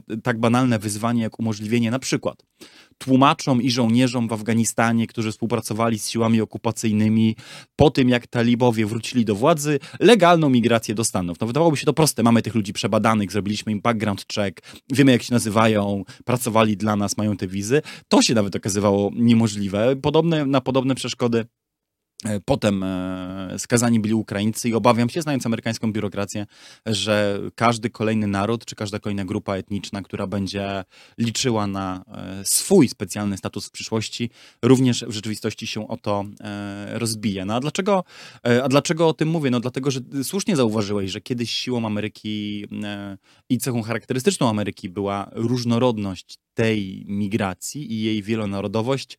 Dziś być może skończy się tak, że Ameryka przyciśnięta, Stany Zjednoczone przyciśnięte z południa e, zamkną się na imigrację z innych źródeł. Choć przecież Trump chciał czegoś odwrotnego, pamiętasz? Jak rozmarzył się, że mogliby tam imigrować obywatele takich fajnych krajów, takich jak Norwegia, Islandia, skandynawskich. Pytał tak. się zresztą na głos, dlaczego, dlaczego nie oni? Dlaczego nie Duńczycy? No, gdybym był e, Duńczykiem, to, to, to ta oferta wizy do Trumpowskiej Ameryki. Trump nie wyglądałaby tak bardzo e, atrakcyjnie. Zresztą e, pamiętajmy, że kiedy Francis Fukuyama mówił o końcu historii, czego generalnie nikt nie zrozumiał, bo nikt nie przebrnął przez pierwszą stronę jego książki, w którym on tłumaczy, że koniec historii nie oznacza końca wydarzeń, mm, ale tam się pojawia, u Fukuyamy się pojawia, zwłaszcza w książce Nation Building, taki wątek, E, getting to Denmark, dostawanie się do Danii. I nie chodzi tu o fizyczne dostawanie się do Danii, tylko e, przymuszony, żeby podać przykład państwa końca historii, nie wskazał Stanów Zjednoczonych, tylko wskazał Danię jako to miejsce, w którym po prostu się najlepiej żyje pod kątem zarówno swobód, jak i socjalnych e, zabezpieczeń. Więc dlaczego Duńczycy mieliby szukać końca historii gdzie indziej? No mogliby kickstartować z powrotem historię i zmagać się z tymi wszystkimi problemami, które w Ameryce by mieli, a w których Danii nie są znane. Mm, e, natomiast e, e, to jeszcze jeden przezabawny paradoks, że Trump uważa za katastrofalne polityki, które uprawia się w Szwecji, Norwegii albo Danii, a jednocześnie uważa, że są to kraje znakomicie zarządzane i chętnie by przyjmował obywateli tychże krajów u siebie. Ale to nie tylko trumpowski problem, to w Polsce jest bardzo podobne. No właśnie, ale skoro Trump się tutaj pojawił, to dwie, dwie uwagi, y, których nie może zabraknąć. Otóż nie będzie lepszego tematu i nie będzie lepszej okazji, żeby Trump na poważnie wystartował ze swoją kampanią wyborczą, niż kryzys migracyjny właśnie. Znaczy ludzie zapomną mu e, w, natychmiastowo kłopoty z prawem, e, przegrane procesy, e, zbanowanie z Twittera, Facebooka i wszelkich platform cyfrowych. Zapomną mu nawet 6 stycznia, jeżeli stanie się kandydatem protestu przeciwko pogarszającej się sytuacji na granicy i pogarszającemu się kryzysowi migracyjnemu. Mógłby w El Paso ogłosić, że startuje. Ale ja dzisiaj przez chwilę, wiesz co, przez chwilę przeklikując się przez nagłówki, jakoś miałem takie podskórne przekonanie, że zaraz taką scenę zobaczę, wiesz? A może w Ameryce to dzisiaj jest wcześnie, czy w momencie, w którym nagrywamy dzisiejszy odcinek, to w Stanach jeszcze jest dość wczesna godzina, jak na życie polityczne przynajmniej. E, I dopiero dzisiejszy dzień się na dobre zaczyna, ale Marcin, wcale nie jest wykluczone, że zanim dzisiejszy dzień upłynie, to Donald to Trump... Donald już tam będzie. Tak, tak. Co skądinąd z punktu widzenia takiej bezdusznej, chłodnej, politycznej pragmatyki byłoby najmądrzejszym, co mógłby zrobić. Zwłaszcza, że republikanie krzyczeli bardzo długo, gdzie jest Biden. Tak jakby musiał fizycznie tam być i kierować e, funkcjonariuszami e, zabezpieczającymi granice, ale niemniej jednak zrobiono z tego taki mem. Tak? Skoro tam nie przyleciał, to znaczy, że go to nie obchodzi. Więc w końcu prezydent tam się udał mm, osobiście. oczywiście był to pewien symbol tego, że jego administracja dokonała tutaj zaniedbań. Przecież było wiadomo, co się wydarzy za kilka miesięcy, a mimo to nie, e, mimo błagalnych próśb, na przykład burmistrzów e, pogranicznych miast, nie robiono w gruncie rzeczy nic, e, aby im pomóc. Z tym się jeszcze rymuje jedna rzecz, to znaczy, jeśli nam mówicie, że nie ma na coś pieniędzy, no to my wam powiemy, że jakoś miliardy i miliardy i miliardy na dozbrajanie Ukrainy się znalazły i tutaj retoryka Trumpa z takim głośnym kliknięciem się zapina. Tak, to skądinąd e, ci, którzy wcale nie mają wyborców blisko granicy, jak e, J.D. Vance e, w Ohio na przykład, z lubością sięgają do tej retoryki. Właśnie tak, mówią, bronicie, to jest nawet dosłowny cytat z jego kampanii wyborczej z zeszłego roku, bronicie granic Ukrainy, nie bronicie granic Stanów Zjednoczonych. Tak? Pozwala... Tak, ale, ale jeszcze lepiej, bo można powiedzieć, no dobrze, ale to jest problem Stanów przygranicznych. No niech się ludzie w Kalifornii czy w Teksasie martwią. Tylko w Chicago jest już poważny problem e, bezdomności wywołany tymi najnowszymi falami imigracyjnymi. W chwili obecnej najlepsze, co państwo amerykańskie, a konkretnie co władze Chicago wymyśliły, e, to e, nocować tych ludzi na posterunkach policji. Więc jak teraz przychodzi się na posterunek policji, to po prostu leży taki idący w nieskończoność rząd śpiworów. Te obrazki działają na wyobraźnię elektoratu. Skoro powiedziałeś o Stanach przygranicznych, to e, grupa e, kongresmenów z, ze Stanów e, przy południowej granicy, właśnie z Kalifornii, Arizony, Nowego Meksyku, wystąpiła do prezydenta Bidena z apelem o wycofanie się z sankcji na Wenezuelę jako środek, który ma zapobiec czy w jakimś sensie rozluźnić presję migracyjną. Grupa kilkunastu członków i członkiń Izby Reprezentantów apeluje o to do prezydenta Bidena, ponieważ gdy mówimy o drakońskich politykach odziedziczonych przez obecną administrację z czasów poprzedniej, to kampania tak zwanej totalnej presji na Wenezuelę, wymysł chorego umysłu Johna Boltona z lat 18-20 dalej obowiązuje. Jest to jeden z bardziej widocznych przykładów e, na e, szukanie rozwiązań na problemy, które samemu się wywołuje. Otóż New York Times miał taką mm, chyba niezamierzenie zabawną czołówkę, e, gdzie informował czy ostrzegał swoich widzów, że Stany Zjednoczone mierzą się z problemem migracji, którego, na których przyczyny nie mają wpływu. O, jest to taki delikatny eufemizm, bo stwierdzenie, że e, największe mocarstwo e, półkuli, no, świata oczywiście również, nie ma żadnego wpływu na e, to, co dzieje się w ich bezpośrednim sąsiedztwie, jest delikatnie mówiąc trochę absurdalne, bo, bo ma, tę, ma tę politykę, tylko nieszczęście polega na tym, że poprzednia administracja postanowiła prowadzić politykę błędną, politykę wprost fatalną i zbrodniczą i sankcje na Wenezuelę są tego doskonałym przykładem, ponieważ no, wszelkie e, zaniedbania, korupcja i dysfunkcja e, rządów Nicolasa Maduro e, w ostatniej dekadzie na pewno stopie życiowej Wenezuelczyków nie pomogły. Natomiast mamy już twarde, niepodważalne dowody na to, że próba dokonania zamachu stanu przez Boltona i zmuszenie rządu Maduro do ustąpienia poprzez e, totalne e, sankcje, które za chwilę też przejdę do, do, ich opisu, zniszczyły wenezuelską gospodarkę i wywołały tam niewidziany nigdy za czasów pokoju kryzys, przełożyły się bezpośrednio do tego, że ci Wenezuelczycy zaczęli uciekać. Nie? Oczywiście najpierw uciekali do państw ościennych, ale gdy covidowy kryzys zubażał społeczeństwa tych krajów, no to ci biedni Wenezuelczycy, pozbawieni e, jakichkolwiek alternatyw, zmierzali coraz to dalej na północ, aż do granic Stanów Zjednoczonych, gdzie dziś zresztą e, domagają się i błagają o azyl. Ukazał się niedawno, no i teraz, ktoś powiedziałby, że, że to jest wina samej Wenezueli, no taką politykę prowadziła, więc sobie na to e, zasłużyła. Tylko, że dziś bogaci o wiedzę, co stało się w ostatnich latach, my już wiemy, że te sankcje miały dokładnie to na celu. Otóż ich założonym Rezultatem miał być upadek e, wenezuelskiej gospodarki, upadek e, eksportu ropy, surowca, od którego uzależnione jest 93% w ogóle całego wenezuelskiego eksportu, no i wreszcie obalenie e, władzy, obalenie Nicolasa Maduro, który, który miał być nękany sankcjami tak długo, aż nie przekaże władzy jakiejś radzie tymczasowej bądź wybranemu, choć nieuznawanemu przez większość świata na prezydenta Juanowi Guaido. Efekt był jednak taki, co dzieje się wielokrotnie w przypadku sankcji, że władza, nawet zagłodzona, będzie do ostatniej chwili opłacać dwa sektory, to jest armię i służby, zaniedbując wszystkie inne potrzeby życiowe swoich obywateli. A Stany e, uniemożliwiły zresztą bardzo skutecznie szukanie Wenezueli pomocy gdzie indziej, ponieważ uniemożliwiły eksport ropy i import kluczowych produktów do podtrzymania w ogóle y, sprawności sektora wydobywczego skądkolwiek y, indziej.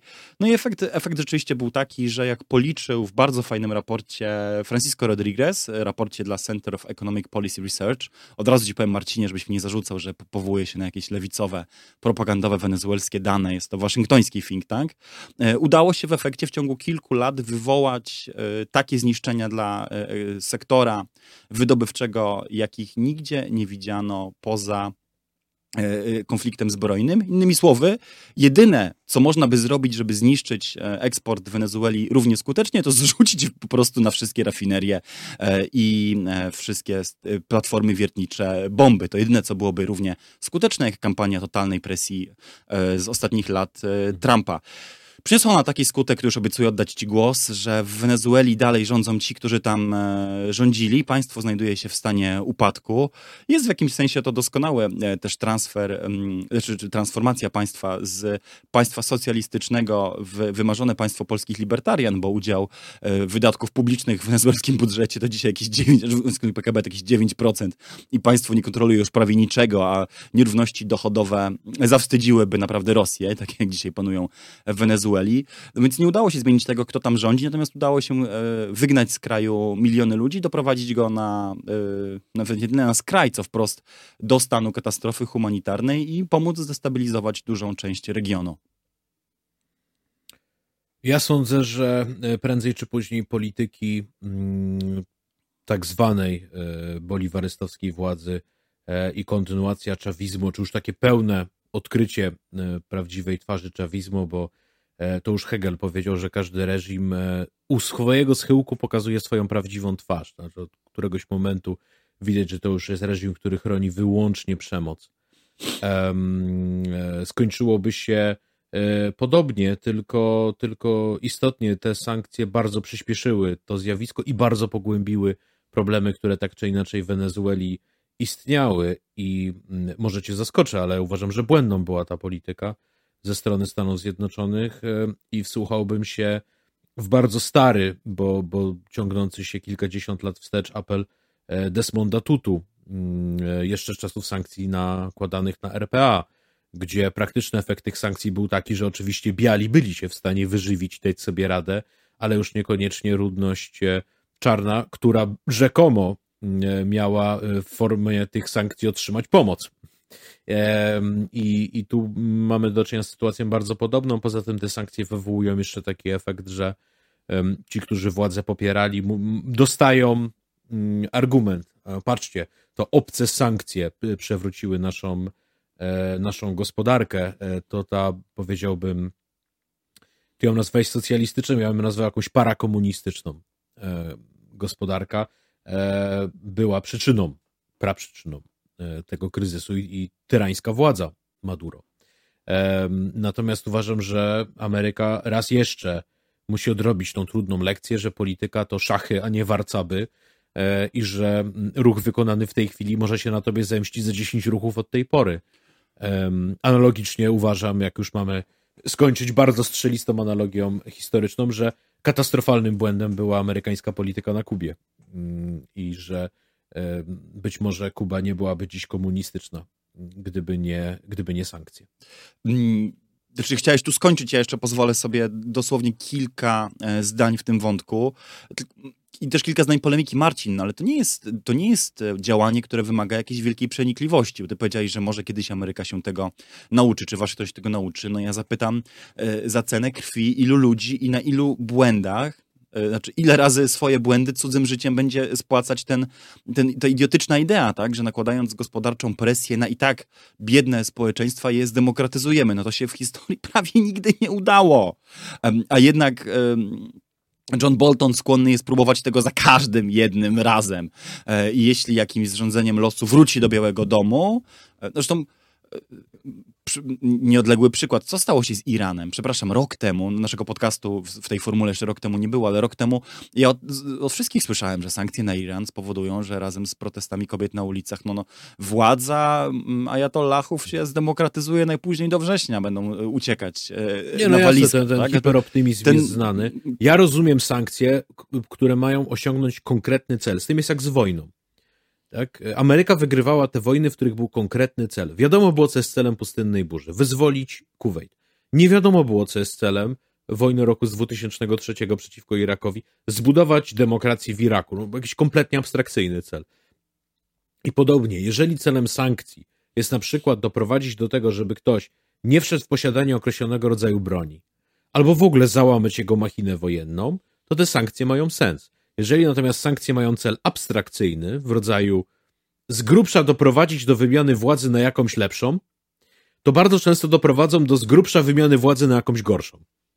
Tak się działo w historii. Zakończę ten segment, y, bo, bo to wbrew pozorom wszystko się dość jasno łączy. Ja nie będę upierał się, że sankcje na Wenezuelę są wyłącznym powodem e, kryzysu migracyjnego, kryzysu humanitarnego na amerykańskiej południowej granicy, bo tak nie jest. Mamy za sobą COVID, zachwianie na... I ludzie uciekali z Wenezueli już wcześniej uciekali z, wielu, uciekali z wielu krajów. No mamy także, wiesz, e, chwała e, lewicowemu prezydentowi Kolumbii, że pokojowo kończy negocjacje nawet z najbardziej zbuntowanymi odłamami Farku, tak, tam na, tam na miejscu, ale powody, dla których ludzie uciekali do Ameryki, do Stanów Zjednoczonych i do Kanady z Ameryki Południowej i Centralnej są liczne, tak, tam czy przestępczość, czy załamanie gospodarcze, czy sukcesy reform gospodarczych Augusto Pinocheta, powodów było wiele, tak? natomiast, natomiast chcę skończyć z...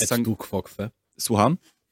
Et tu kwokwe, e, czyli, czy, czyli whataboutism, e, e, bo mówimy o Wenezueli, a już pojechałeś całą drogę do Pinocheta, żeby wykazać, że prawicowe reżimy również e, miewały swoje e, e, potknięcia i zbrodnie. To jest, to jest eufemizm tego odcinka, Marcin, to jest eufemizm tego nie, odcinka. Nie, potknięcia i zbrodnie. to jest oczywiste, Chcę... zwłaszcza w przypadku reżimu Augusta Pinocheta, który był jednym z najgorszych, jakie Ameryka Łacińska widziała, a widziała nie jedno. E, no tylko jesteśmy w roku 2023. Pinochet już dawno sczezł, a jaka władza w Wenezueli jest, każdy widzi. Ale chcę e, skończyć e, cytatem który dobrze podsumowuje tę myśl, myśl o tym, że sami wywołujemy, tu w sensie sami, czyli Trump, problemy, z którymi potem e, się mierzymy i musimy rozwiązywać, jest hi głęboką hipokryzją, że dociskamy sankcjami całą południową półkulę, a później rozkładamy ręce ze zdziwienia, pytając, dlaczego ci ludzie szturmują nasze granice. I powiedział to, drodzy Państwo, nie Noam Chomsky, no, nie Janis Varoufakis, nie żaden idol radykalnej y, lewicy, lecz powiedział to Ben Rhodes, były bardzo bliski doradca Baracka Obamy i współautor pomysłu sankcji na e, Wenezuelę w czasach Baracka Obamy właśnie. Ben Rhodes po, po wielu latach bycia zwolennikiem bardzo twardej polityki wobec e, e, Wenezueli i e, po latach swojej kariery jako doradca Obamy w sprawie, e, w sprawach Ameryki e, Południowej właśnie rzucił ręcznik i powiedział, w, e, nie, i powiedział niedawno, że trzeba porzucić tę politykę lub przestać dziwić się, dlaczego później ludzie szukają schronienia w Stanach Zjednoczonych. Ano także dlatego, że że Stany Zjednoczone e, ich do tego skłaniają. Wątek tego, e, czy e, co by, co by było ze światowym rynkiem ropy i gdyby, gdyby nie było tych sankcji na Wenezuelę i co by się stało, gdyby ten milion baryłek dziennie wrócił do światowego obiegu, czy może wtedy Rosja nie miałaby takiej, takiej możliwości wywierania na nas presji albo Arabia Saudyjska? Pociągniemy przy innym, przy innej okazji, a jest on moim zdaniem bardzo, bardzo ciekawy. Tak, jak najbardziej. No ale musimy, musimy iść dalej, musimy gonić z tematami, zwłaszcza, że mamy temat, który, e, takie mam uczucie, niektórzy specjalnie w ogóle tutaj przyszli, żeby dowiedzieć się, co mamy na ten, w tej kwestii do powiedzenia. Mm, I od razu zaznaczę, tak jak powiedziałem już na wstępie, nie mamy tutaj w zwyczaju komentować wypowiedzi i dokonywać jakiejś egzegezy czy oceny moralnego charakteru autora danej wypowiedzi i normalnie byśmy się w ogóle tym nie zajęli, co tam w programie rozrywkowym powiedział Kuba Wojewódzki i to jeszcze w takim kontekście żartowałem, ale nie żartowałem, ale żartowałem. Z grubsza sprowadzało się do tego, że z dwojga złego, bo jedno i drugie zdefiniował jako złe, no to wolałby Konfederację niż partię razem, no bo Konfederacja przynajmniej byłaby neutralna, a może nawet wie, trochę więcej niż neutralna dla jego e, portfela. Mm, no a partia razem, no to już by dybała tutaj na jego e, zarobki. No i można powiedzieć tak. Autor tych słów dał wyraz temu, że jest klasowo świadomy. I wszyscy ci, którzy później zabrali głos, a wiadomo było, że musi zabrać głos na przykład redaktor Tomasz Lis, E, również Ominęło dali wyraz temu, że wiedzą ile zarabiają, wiedzą jakie płacą podatki i, i, nic i żadna siła ich nie przekona do tego, żeby płacić podatki wyższe e, i w pewnej mierze to ja się im nie dziwię, bo w jakimś mierze to dziwne jest na przykład to, co ja mówię i robię. No bo ja na przykład jestem przykładem człowieka, który mógłby być bohaterem książki Tomasa Franka Co z tym Kansas. Dla tych, którzy nie czytali, jest to książka o tym, jak to się dzieje, że ludzie głosują wbrew swoim ekonomicznym interesom. E, Kansas, które było e, wiodącym amerykańskim stanem, jeżeli chodziło o radykalną, lewicową politykę, stało się stanem bardzo solidnie głosującym na republikanów. Dlaczego? No dlatego, że przekonano ludzi, którzy dawniej, których jeszcze rodzice głosowali na demokratów, zakładali związki zawodowe i, i którzy się stylizowali na socjaldemokratów, że mm, ich prawdziwym problemem są imigranci, geje, e, George Soros i wszyscy ci ludzie, którzy chcą im zabrać ich Biblię i ich broń. E, w największym skrócie oczywiście mówię, jaka jest teza mm, tej książki. Ja bym mógł być bohaterem tego tylko Arebur, tak? to znaczy e, no w istocie, gdyby przyjąć propozycje podatkowe partii Razem, to na przykład ja bym na tym stracił. E, no w istocie jestem przedsiębiorcą, no to też powinienem być zainteresowany, żeby przedsiębiorcom na każdym kroku nic tylko, e, tylko ulżyć. No i jeszcze mógłbym e, rozsiąść się tutaj wygodnie, nalać sobie czegoś mocniejszego, no i słuchać tych hołdów, tworzenie miejsc pracy i tak dalej, i się upajać tym, czym się, czym się polska klasa dyskutująca, która zazwyczaj nic jakkolwiek rozumianym biznesem nie ma wspólnego, upaja. E, mało tego, nie mam dzieci, no to co mnie obchodzi, jakieś 500 plus, albo ile jest miejsc w żłobkach, albo tego typu rzeczy. Krótko mówiąc, gdybym dzisiaj nagle postanowił, że chcę się wyzbyć sumienia, patriotyzmu, rozumu i godności człowieka, to bym po prostu na tym zarobił.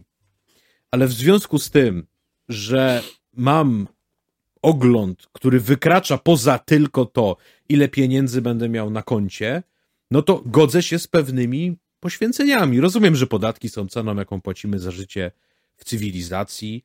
E, staram się znaleźć jakiś punkt równowagi pomiędzy rozwiązaniami z gatunku wszystko upaństwowić, a podatek dać 100%, a pomiędzy jakimś dziwacznym anarchokapitalizmem, który w Polsce jest e, modny. Ale jestem socjaldemokratą. Więc można powiedzieć, że to ja jestem dziwny, a nie Kuba Wojewódzki, który zupełnie normalnie i przytomnie broni swojego interesu. A my tutaj bardzo często robiliśmy zarzut z tego, że ludzie ubodzy, że ludzie pracujący nie kierują się swoim ekonomicznym interesem. Patrz, ktoś nas posłuchał, wojewódzki nas posłuchał. To święte słowa, że w Polsce, jeżeli jest jakaś klasa, która ma e, świadomość, to jest nią klasa e, milionerów. Mm, tak rzeczywiście, tak rzeczywiście u nas jest i oni zazwyczaj doskonale wiedzą, e, co im sprzyja. Zaznaczmy, że wiesz, jak ktoś w Polsce jest milionerem, to perspektywa dojścia do władzy Konfederacji nie jest dla niego jakimś takim strasznym zagrożeniem, bo słuchaj, żyć sobie prywatnie będzie mógł tak jak chce, służbę zdrowia sobie kupi prywatnie, edukację również, jak będzie chciał lub chciała skorzystać z prawa do przerwania ciąży, to bilet do Londynu albo w wersji nieco uboższej na, do Bratysławy. Wiele jest rzeczy z dziedziny ograniczania wolności, z których można, czy swobód obywatelskich, z których można się wykpić, korzystając z bogatego um, arsenału, jaki daje majętnym ludziom e, wolny rynek e, i brak granic w Unii e, Europejskiej, chociaż w ogóle ludzie e, niezwykle majętni A dzieci do szkoły są. się posyła do Londynu. Ta, ale oczywiście, że tak. Już ludzie niezwykle... Bądź do Eton. Majętni to w ogóle y, z granic państwowych to sobie e, zazwyczajowo e, kpią.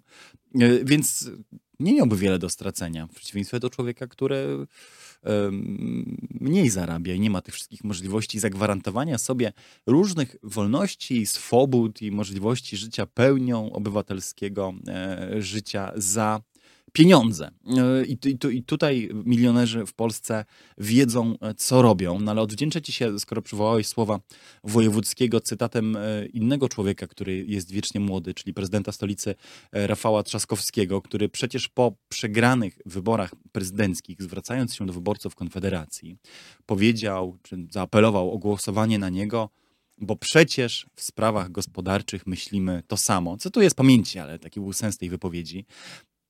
Wielu ludzi wieszało wówczas na Trzaskowskim e, psy, po, posądzając go o flirt e, z faszyzmem, o, o, chęć sprzedania polskiej demokracji i o wiele najgorszych rzeczy. Pamiętam, że taki tekst broniący Trzaskowskiego napisał wtedy Michał Sutowski i też na nim wieszano e, psy. A mi się wydaje, że Trzaskowski po pierwsze zrobił to, co w polityce normalne, ale po drugie nie powiedział, czy nie odkrył przed światem żadnej ukrytej prawdy. Otóż tak, to co myśli polska klasa i polscy światli, wykształceni, e, spoglądający ku zachodowi e, obywatele o gospodarce, od tego, co o gospodarce myśli wyborca Konfederacji, nie różni się specjalnie nadto. Mhm. Ale tu sytuacja jest, e, powiedziałbym, jeszcze bardziej pokomplikowana. Bo jak nazwać tych ludzi? Oni siebie sami nazywają klasą średnią. Z tym jest pewien problem. Problem polega na tym, że jedyna klasa, która istnieje w polskim dyskursie, w polskiej debacie publicznej, jest klasa średnia, czyli właśnie akurat ta, która nie może istnieć sama dla siebie, bo nic nie może być samo dla siebie średnie. Coś jest średnie w relacji do czegoś, to jest wysokie i niskie. No więc skoro jest klasa średnia, to logika nakazuje, że musi być klasa wyższa i musi być klasa niższa. Ja nie pamiętam, żeby ostatnio jakiś polityk mówił na przykład, że należy wspomóc klasę niższą albo klasę pracującą. Albo na przykład, że naszym problemem jest klasa wyższa, która nie jest opodatkowana dostatecznie, albo która przeznacza swoje pieniądze na zakup towarów luksusowych pochodzących z importu, podczas gdy my tych pieniędzy potrzebujemy w naszej gospodarce. Taka analiza nie istnieje. Istnieje wyłącznie klasa średnia, przy czym klasą średnią nazywa się nie ludzi, którzy są obiektywnie średni, e, bo takowi ludzie to by, mm, to by zarabiali kilka tysięcy złotych, e, tylko mówi się tu o milionerach. Czyli de facto jest to klasa wyższa dla zmylenia przeciwnika, nazywana klasą średnią. Żeby to pokomplikować jeszcze bardziej, no to można by zadać takie pytanie, czy klasa średnia to jest tylko kwestia pieniędzy? Na przykład w Anglii na pewno nie. E, no, akcent, z jakim się mówi, zaszeregowuje klasowo jeszcze efektywniej niż posiadane pieniądze, albo równie efektywnie. E, w Polsce powiedziałbym, że klasa średnia to jest kwestia odpowiednich dochodów na pewno, no ale na przykład myślę, że trzeba być białym kołnierzykiem, żeby być w klasie średniej. To znaczy, ktoś, kto zarabia duże pieniądze jeżdżąc na saksy i pracując jako robotnik e, i robiąc świetną wykończeniówkę, nie byłby zaakceptowany przez polską klasę średnią jako jeden e, ze swoich. I myślę też, że polska klasa średnia to jest pewien zestaw wartości. Przywiązanie do własności, do własnego domu, samowystarczalność rozumiana jako nieufność i niechęć wobec państwa, płytko i powierzchownie rozumiana prozachodniość. Mm, I na przykład to sprawia, że jest według mnie realnie taki socjologiczny byt nadal w Polsce jak inteligencja, która mogłaby być zakwalifikowana do tak rozumianej klasy średniej, tylko po prostu wyznaje inny zestaw wartości. No i myślę jeszcze, że inteligencja to raczej w budżetówce e, pracuje. I na przykład intelig dla inteligencji kluczowe jest, żeby opanować inteligencki kod kulturowy. Trzeba rozumieć te odniesienia do historii, do literatury, e, trzeba rozumieć takie pewne kwestie etosowe, tak? Inteligencja to jest po prawej stronie zakorzeniona, po, a po lewej stronie zaangażowana. Dwie rzeczy, których klasa średnia szczerze nienawidzi. No i często inteligencja ma też taki, taki lekko lekceważący charakter do, do dóbr materialnych, bo, bo, bo boi się bardzo bycia posądzoną o dorobkiewiczostwo. E, więc powiedziałbym, że ten obraz e, jest trochę bardziej pokomplikowany, a już najbardziej chyba pokomplikowany jest dla ludzi o lewicowych poglądach, którzy jako żywo jak w Turcji 100 lat temu, tak? Ruch młodoturecki, który walczył o lud, o demokrację, o republikę, o świeckość, e, składał się z dwóch grup społecznych, z arystokracji i z oficerów w wojsku.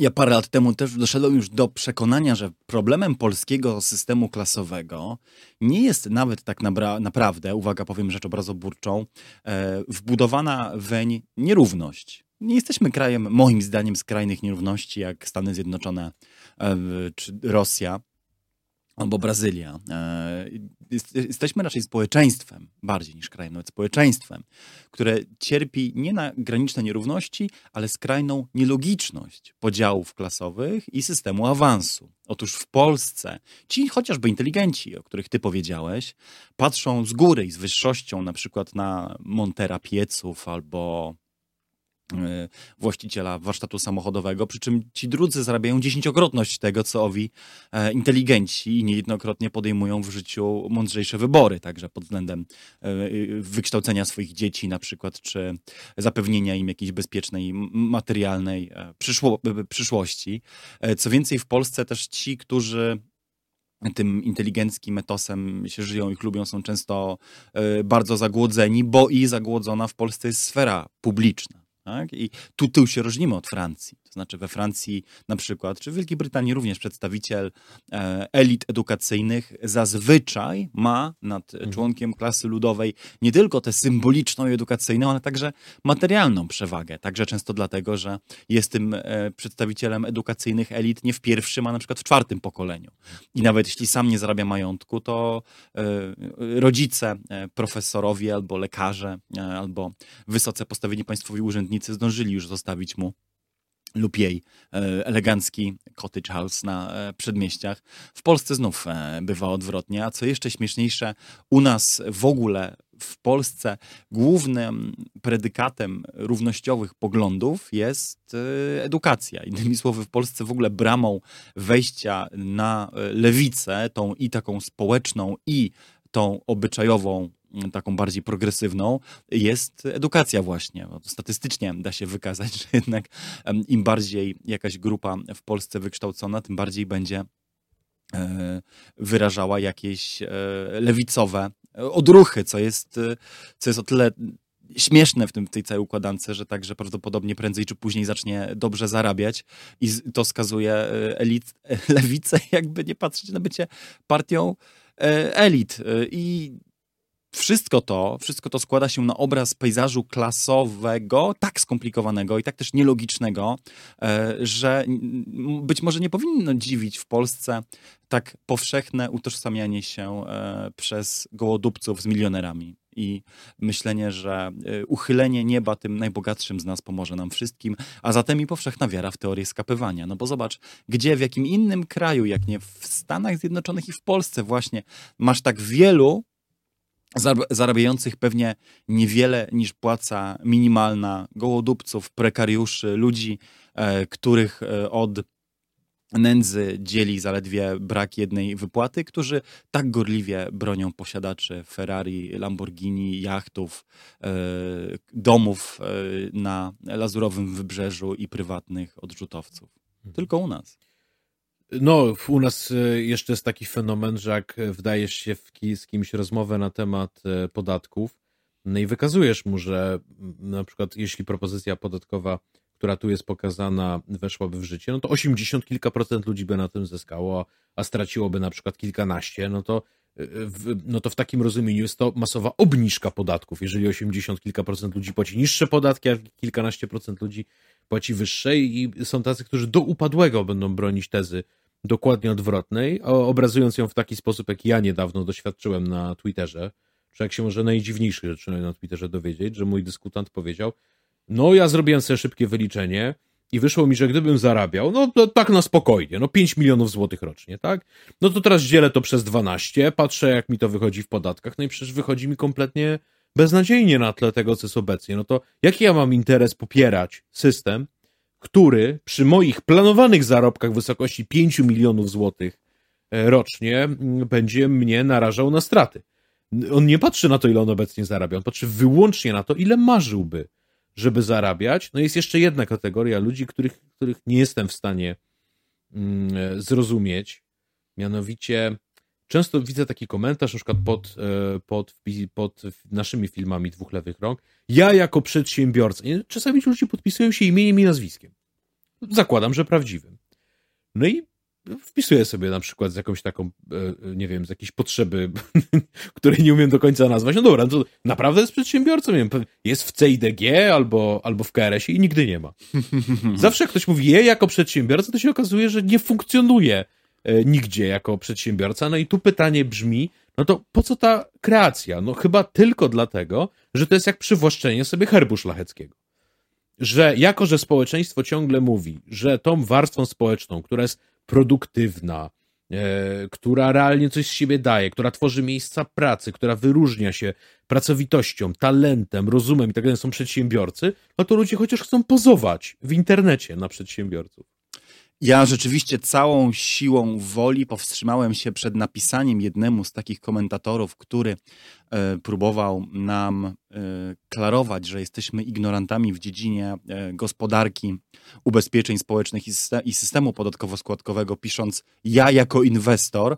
Powstrzymałem się całą siłą woli, żeby odpisać mu, że prawdopodobnie jedyne w co w życiu zainwestował to JPEGA z małpą i jeszcze na tym stracił.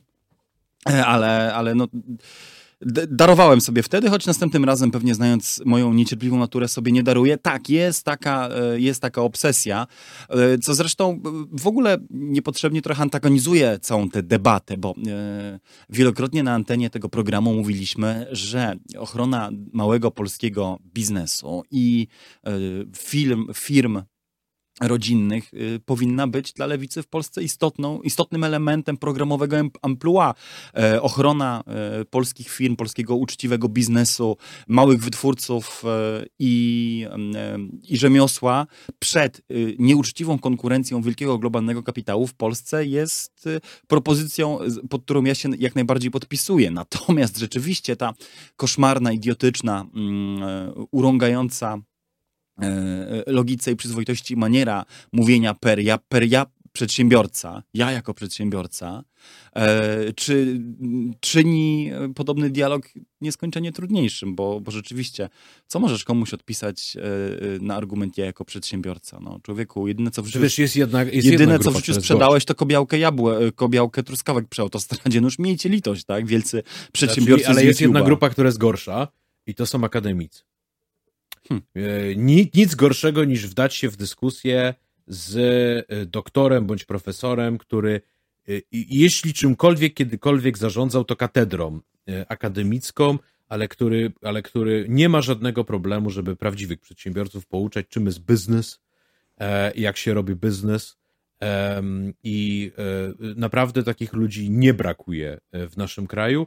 I chyba to jest w ogóle nasz oryginalny wkład w tą dyskusję, że Polska wynalazła coś, co się nazywa e, e, etatystycznym anarchistą, czy anarchokapitalistą i liberałem na państwowym. Tak? To znaczy, nie, nie wiem, ja wszystkie swoje książki wydawałem w prywatnych wydawnictwach, a tuzowie polskiego liberalizmu jakoś zawsze je wydają za państwowe pieniądze. To prawda, no ale widzisz, e, tak sobie tutaj od dygresji do dygresji płyniemy, czas nas goni, a nie powiedzieliśmy mm, o tym najważniejszym, czyli o tym, co miało być myślą przewodnią tego segmentu, czyli że w Polsce kapitalizm demokracji nie uratuje, drodzy Państwo. Otóż ci wszyscy e, milionerzy, gwiazdy TVN-u, mm, celebryci z okładek gazet, którzy tak troszczą się o demokrację w naszym kraju, w rzeczywistości sprzedaliby ją za y, groszową obniżkę podatków i tym się należy martwić, moim zdaniem. Ja w ogóle chciałbym, żebyśmy do tego tematu obszerniej w którymś z kolejnych odcinków naszego tak, programu znaczy nie ma, nie ma, naprawdę, nie ma takiego ryzyka, e, że Motłoch sprzeda naszą demokrację za 500 zł, natomiast jest jak najbardziej takie ryzyko, że elity ją sprzedadzą za 500 miliardów.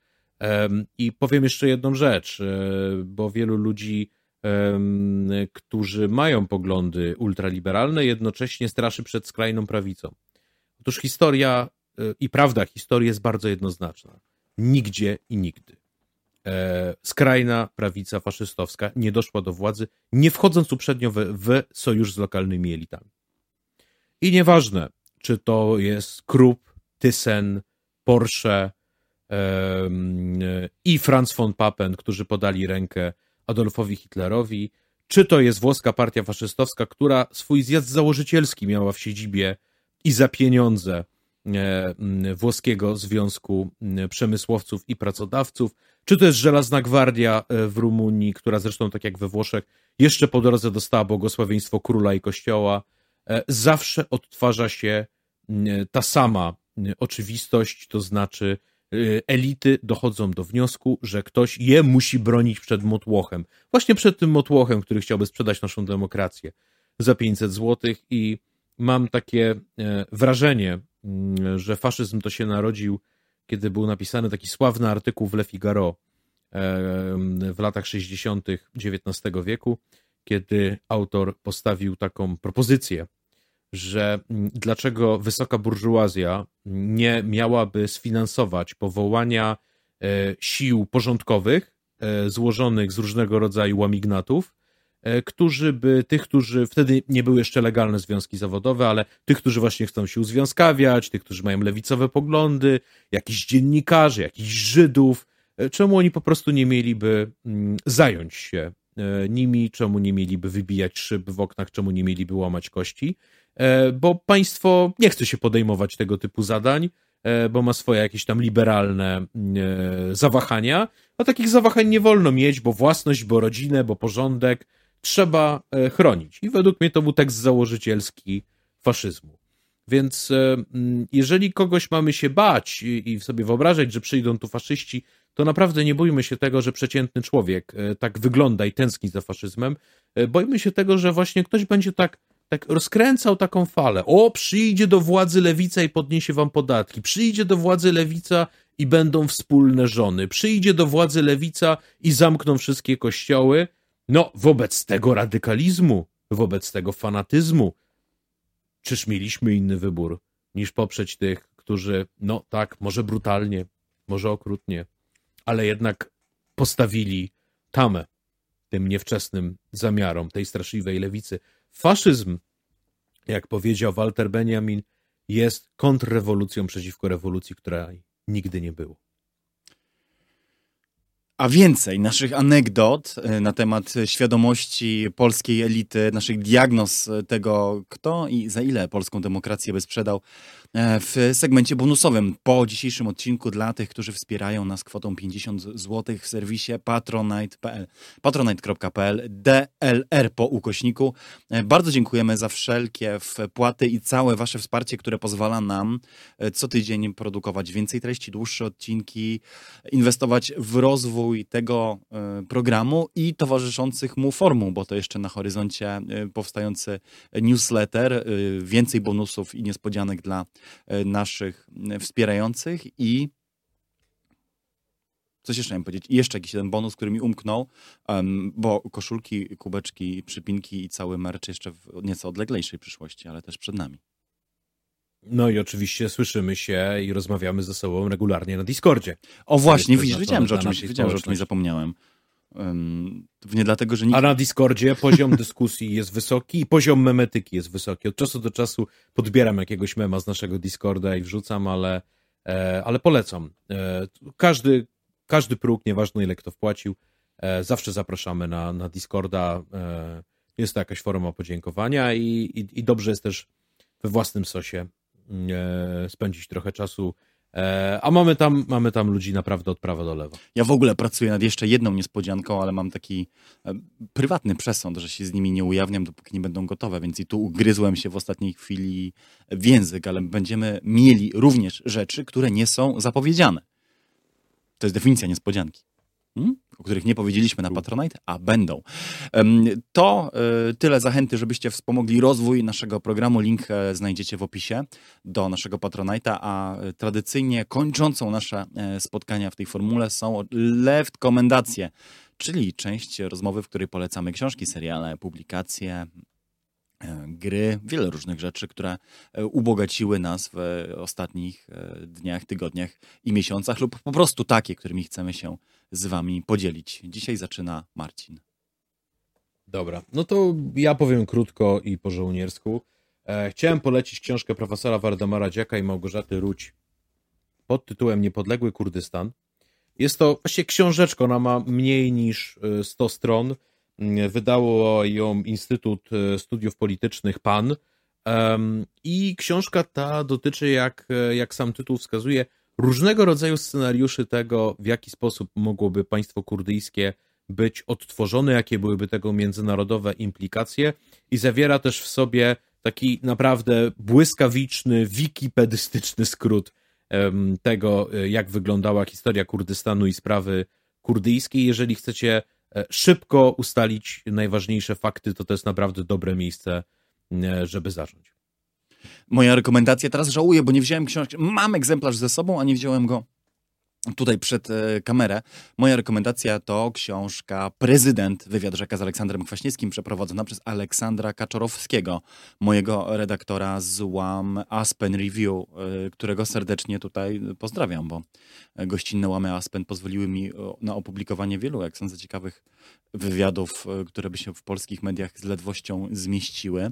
A miałem okazję być na premierze, przedpremierze tej, tej książki, wywiadu rzeki z prezydentem Kwaśniewskim i serdecznie ją Wam polecam. Jeszcze raz pluję sobie w brodę, że nie wziąłem egzemplarza e, do pokazania, bo jest już w fizycznej formie. Polecam ją chyba dlatego, że jest to taka, taki rodzaj książki politycznej, która podobnie jak prezydent Kwaśniewski trafia także do tych, którzy nie mają w e, zwyczaju katować się polityką na co dzień i jest taka atrakcyjna, szeroko, ma hmm. potencjał e, spodobania się e, szerzej niż tylko tym, którzy książki polityczne i wywiady rzeki trudny i czasami wymagający gatunek połykają e, nałogowo. Moim zdaniem warto. Świetne zdjęcia i niepodrabialny też klimat lat 90. i 2000 na tych fotografiach, który, który w naszym jeszcze, moim i twoim Marcinie, pewnie pokoleniu budzi nostalgię, a wśród tego nieco młodszego, chyba już wyłącznie e, zdziwienie. Podobno twierdzą wydawcy, twierdzą wydawczynie, redaktorki tej publikacji, dowiedziałem się tego e, wczoraj na tym e, autorskim spotkaniu.